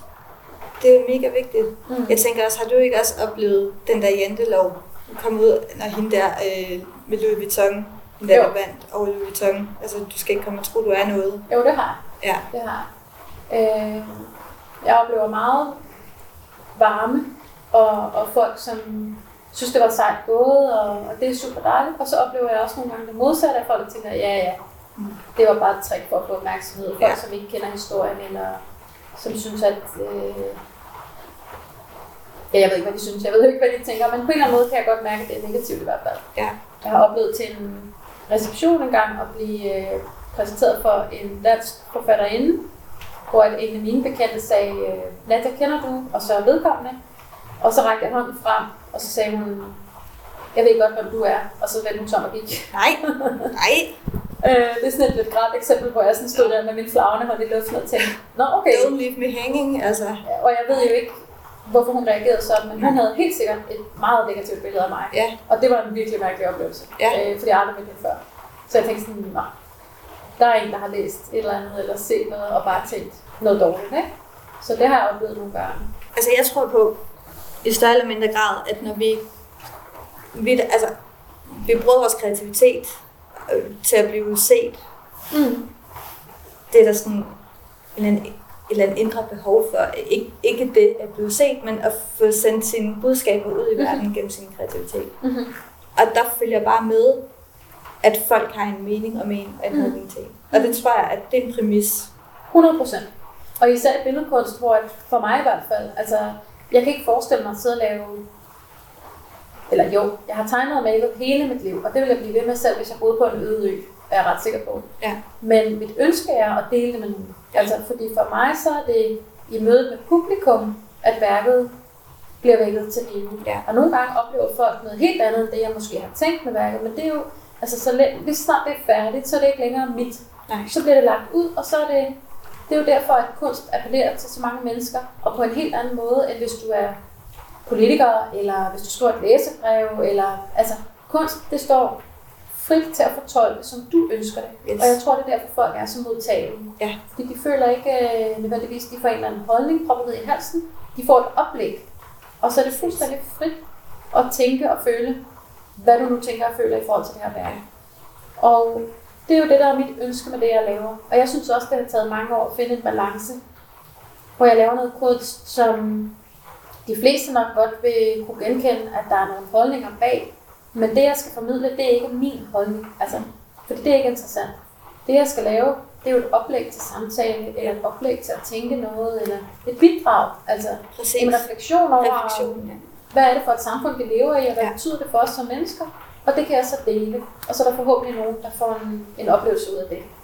Sådan nærmest at lægge det som et, et bump på vejen. Altså til lige at, Mm. at stoppe op en gang. Ja. Og så lige sige, hov, hvad er det egentlig? Hvad er det, jeg selv har af handlinger og meninger, men hvad er det også for et samfund, jeg, jeg lever i og Mm. agerer i osv. Mm. Det er det, kunst kan. Og det er, nogle gange så er der folk, der misforstår og ligesom forestiller sig, at jeg synes, at al kunst skal være på den her måde, eller det skal have et tema, som er meget relevant. Og sådan. Men sådan har jeg det slet ikke. Altså kunstnere, de skal lave lige, hvad de har lyst til. Ja. Jeg synes bare, at kunst det er et medie, som hvis man gerne vil lave noget, der handler om samtiden, er super relevant, fordi det er så stærkt medie. Altså det er det virkelig. Ja. Og så kan jeg jo se på mig selv, at den måde, jeg oplever kunst på, der kan jeg sagtens gå på en udstilling og se noget, som er super smukt, og sætte pris på det.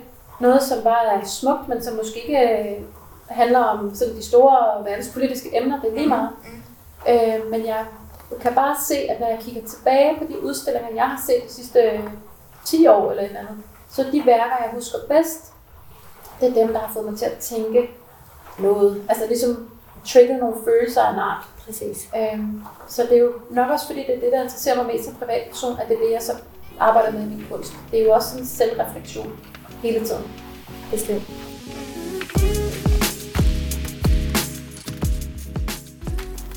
Her til slut har jeg lige præcis det spørgsmål, Ja. jeg skal stille dig. Ja. Kan du fortælle mig den største grund til, at du vandt retssagen mod Louis Vuitton, som kun du havde indflydelse på? Det tror jeg vil sige min stadighed. Det må det næsten have været, fordi der var i hvert fald mange, mange, mange forskellige lejligheder, hvor jeg kunne have givet op. Det må man sige. og hvor folk prøvede at overtale mig til det, eller mente, det var bedst for mig, eller altså, der var virkelig mange steder, hvor jeg kunne have kastet håndklædet, men det gjorde jeg ikke. Og øh, det er jeg selvfølgelig glad for i dag, fordi så er en historie, som den gjorde. Ja. Men, men min stadighed, den trumfede min frygt. Ja. Øh, på de tidspunkter, hvor det virkelig galt. Og det kan man jo ikke vide fra start, men det er jeg så glad for at det var sådan. Jeg tror, jeg har sådan jeg har et eller andet indbygget i mig med, at hvis folk siger, der er noget, jeg ikke kan, så får jeg lidt sådan en, jeg skal kraftet med vise jer. Altså, jeg tror, Ja. jeg har noget af det i mig. Ja. Og har altid haft sådan en underlig blanding af høj selvtillid og måske lidt for lavt selvværd. Ja. Øh, men Ja. selvtilliden var god at have lige i den der sammenhæng. Altså, øh, det gav i hvert fald noget drivkraft til at tænke, at jeg kan godt, jeg kan godt stå imod det her. Sejt. Det er virkelig sejt. Og sådan, lige for at binde sløjf på det hele, altså du vandt jo retssagen over Louis Vuitton. Du kom Ja. ud af campingvognen du- og blev færdig på kunstakademiet. Ja, og jeg blev rask. Det er måske Og også du blev rask. Det er absolut vigtigt. Det er nok noget af det vigtigste. Jeg fik faktisk. hørelsen tilbage, og smagssansen og lugtesansen, og, og jeg er så rask, så jeg lever et fint liv i dag. Der er sådan små men, men ikke noget, der ødelægger min livskvalitet øh, nævneværdigt. Så det er rigtig, rigtig dejligt. Ej, det er så dejligt. Det tog virkelig lang tid at blive helt rask, Ja, men øh, det ja. lykkedes. Sådan en hjernerystelse, det kan være Ja, det kan være meget, meget langt og frygteligt forløb. Jeg tror heldigvis, det er sådan, øh, det virker som om, at de i dag ved mere om hjernerystelser og tager det mere alvorligt. Fordi på det tidspunkt, der var det mere sådan noget, hvor man tænkte, at man skal bare tage den lidt med ro i Ja. og så er det lidt fint igen. Ja. Men sådan var det altså ikke for mig. Altså, man skal ikke messe med hjernerystelser. Nej. altså, jeg fik en hjernerystelse på en Roskilde Festival en gang. Der blev jeg lige hentet af min far. Og det var før musikken startede, så kunne jeg lige nå hjem og slappe af på dage. Og så Mm. vende tilbage til musikken. Oh. Det gik fint, mens jeg var på Roskilde. Men da jeg så kom hjem, så... Øh, ja, den strappede lidt, ikke? Så Mm. det skal man virkelig tage alvorligt. Ja, det skal man. Det var lige sådan en lille... Og det skal man virkelig tage alvorligt. Ja, det skal man. Hvad, og hvad kan vi forvente at se fra dig her i 2020? Jamen, øh, den første udstilling, øh, som jeg har sagt ja til at deltage i i år, det er en duo-udstilling med en iransk kunstnerinde, der hedder Farah Naksui, og laver nogle fuldstændig fantastiske perleværker. Og vi skal sammen udstille på Brandebjerg Kunsthal øh, fra 30. maj, altså hele sommeren, og det glæder jeg mig rigtig meget til. Både fordi, at jeg længe har ønsket at samarbejde med Farah, men også fordi, at jeg kommer til at vise nogle værker, hvor jeg går i en lidt ny retning. Det så det er både spændende og også øh, meget nervepirrende egentlig. Så det glæder mig meget til at vise, og også øh, sådan få respons fra publikum, hvad, hvad de mener om det. Præcis. Så det glæder jeg mig meget til. Det glæder jeg mig også til. Det skal jeg da se. Jeg har taget det der med yndlingsquotet med, og det er også lidt amerikansk, ikke? Mm. Men har du et yndlingsquote, som, altså, som sådan stikker lidt mere ud end andre? Du, du nævner i din bog, at du havde sådan en masse quotes, Mm-hmm. der hang. Er der et quote, der sådan har hjulpet dig igennem livet i det hele taget, og som du kan give videre? Altså i den periode, der søgte jeg jo med lys og lygte efter et eller andet at klamre mig til, fordi jeg havde det simpelthen så dårligt. Og jeg travlede igennem den ene selvhjælpsbog efter den anden Mm. for at finde noget, Ja. der kunne give lidt lys eller ja. et eller andet. Og jeg vil sige, der var ikke nogen af de bøger, hvor jeg ligesom fandt hele sandheden for mig selv, men summen af inputs fra alle de der bøger hjalp mig videre. Ja. Og, øh, og det, der hjalp mig mest i den situation, det tror jeg egentlig var nogle af de der øh, lidt fjollede amerikanske succesbøger, som handlede mest om at tage handling. Så jeg kan ikke huske alle de specifikke quotes, men for eksempel det her med, at hver nej, det er kortere til det næste ja, Mm. og sådan noget. Altså nogle af sådan brudstykker af, af beskeder, som handler om at blive ved med at være i bevægelse. Ja. Det er noget, som betød sindssygt meget for mig, og som jeg brugte der til at komme ud af sygesengen, og det få skabt noget, øh, og som jeg stadig bruger i mit liv i dag. Jeg synes tit, at hvis jeg ligesom går i stå, eller har en dårlig dag, eller en dårlig uge, eller hvad det nu kan være, hvis der er noget, der generer mig, eller har et problem, Ja. så er det tit, øh, den eneste vej ud, det er bevægelse. Altså, Jeg synes, det, er- det er virkelig godt opsummeret med at blive ved med at være i bevægelse. mm. Nadia, hvor kan vi følge dig? Og dit arbejde? Jeg har en hjemmeside, der hedder natteplesner.com. Der prøver jeg at øh, uploade de fleste af de nye værker, jeg laver, så den hele tiden er opdateret med den nyeste kunst. Og så har jeg en Instagram-side, der hedder Nadia Plesner, og en Facebook-side, der hedder Nadia Plesner, og der lægger jeg også billeder ud, både af kunsten og øh, nogle gange de forskellige øh, projekter, jeg laver, foredrag, jeg holder osv. Så, så øh, der er forskellige muligheder. Det lyder dejligt. Tusind tak for i dag, Nadia. Det er meget tak. Wow, guys. Nadia Plesner. Jamen altså, det er jo... Jeg, ja, jeg ved ikke engang helt, hvad jeg skal sige. Jeg er stadigvæk fuldstændig øh, mundlam af taknemmelighed over, at Nadia hun har lyst til at dele så meget ud af sig selv og sin historie og sine tanker og sine følelser og sit arbejde i det hele taget. Så øh, både du og jeg kan tage det, som vi nu synes, der er vigtigt i, i forhold til vores eget liv, og så bruge det at vokse med det. Jeg tror i hvert fald selv, at jeg har vokset et par centimeter i løbet af den her episode. Jeg skal lige sige som en, en note til historien her, fordi vi fik jo med, at Nadja hun blev rask, og det er jo selv sagt det vigtigste overhovedet i den her historie. Men det dertil skal også siges, at hun dumpede faktisk den her kæreste i løbet af retssagen, og, øh, eller i løbet af, af, af perioden. Så den fik vi engang med, men det skal jo næsten også fejres i sig selv. Well, lad os se på episodens takeaways. 1. Ideer opstår ud af det blå, så vær opmærksom på de mindste øjeblikke. 2. Vi alle går igennem op- og nedture. Det kaldes livet. 3. Meningsfulde projekter er vigtige, når livet er hårdt. 4. Vi bliver alle mødt af kritik, men lad det ikke stoppe dig for det, du tror på. 5. Lav en vision wall. Noter dine drømme, som om de allerede er sket. På den måde, så vil du ændre dit mindset og rent faktisk forsøge at opnå dem. 6. Vær ikke bange for at bede om hjælp. Folk bliver smiret over, at du beder om hjælp, og så skal du huske på, at et nej er kortere vej til det næste ja. 7. Når du går forrest med det, du laver, så følger folk med. Tro fuldt og fast på din drømme. For hvis ikke du gør, hvem gør så? 8. Find en body, som du kan fejre din sejr med. Fortæl, når livet er lort, og som følges med dig i tygt og tyndt. Find en body, som du kan droppe janteloven med. 9. Vær vedholden. Og 10. Sørg altid for at være i bevægelse. Okay venner, det var øh, det for nu. Jeg håber virkelig, at du kunne bruge den her episode til noget. Det er i hvert fald langt mere værdifuldt end en Google-søgning, det her. Øh, to timer i selskab med Nadia Plesner. Ja, det ved jeg nærmest ikke, hvornår man får lov til det ellers. Så øh, tjek links ud i show notes ind på min hjemmeside. Der kommer jeg altså til at linke til hendes TED-talk, hendes udstilling, hendes bog, hendes hjemmeside, alting, så du kan blive klogere på Nadia Plesner og alle de smukke ting, hun allerede har lavet, og så du også kan tjekke hendes udstilling ud. Kan du have en rigtig, rigtig dejlig dag. Vi snakkes ved. Hej! Okay, okay, en hurtig ting, før du smutter. Hvis du kunne lide det her, hvis du føler, at du får noget ud af det, eller hvis det egentlig bare føles godt i kroppen, hvis du tænker, yeah baby, så fortæl dine venner om det her, så I kan være sammen om at føle det. Og hvis du kunne lide det, så gå ind på iTunes og abonner på podcasten her. Giv den stjerner, og gerne fem, hvis du synes. Og så giv mig gerne en anmeldelse med på vejen. Du kan finde alt om mig inde på min hjemmeside messyminds.dk, og du kan følge mig inde på Instagram. Det hedder messyminds.dk, bare ude i en køre. Og der bliver du en del af et fællesskab, hvor vi tager tale om vores vildeste drømme, skøreste idéer, dybeste tanker, og vi giver hinanden virtuelle high fives og en masse kram Smid gerne en kommentar eller to. Jeg vil helt vildt gerne høre fra dig. Og hvis du gerne vil have dine spørgsmål med her i podcasten, så smid mig en mail på nina Tusind, tusind tak til dig. Det har været skide sjovt at hænge ud med dig, og øh, vi høres ved.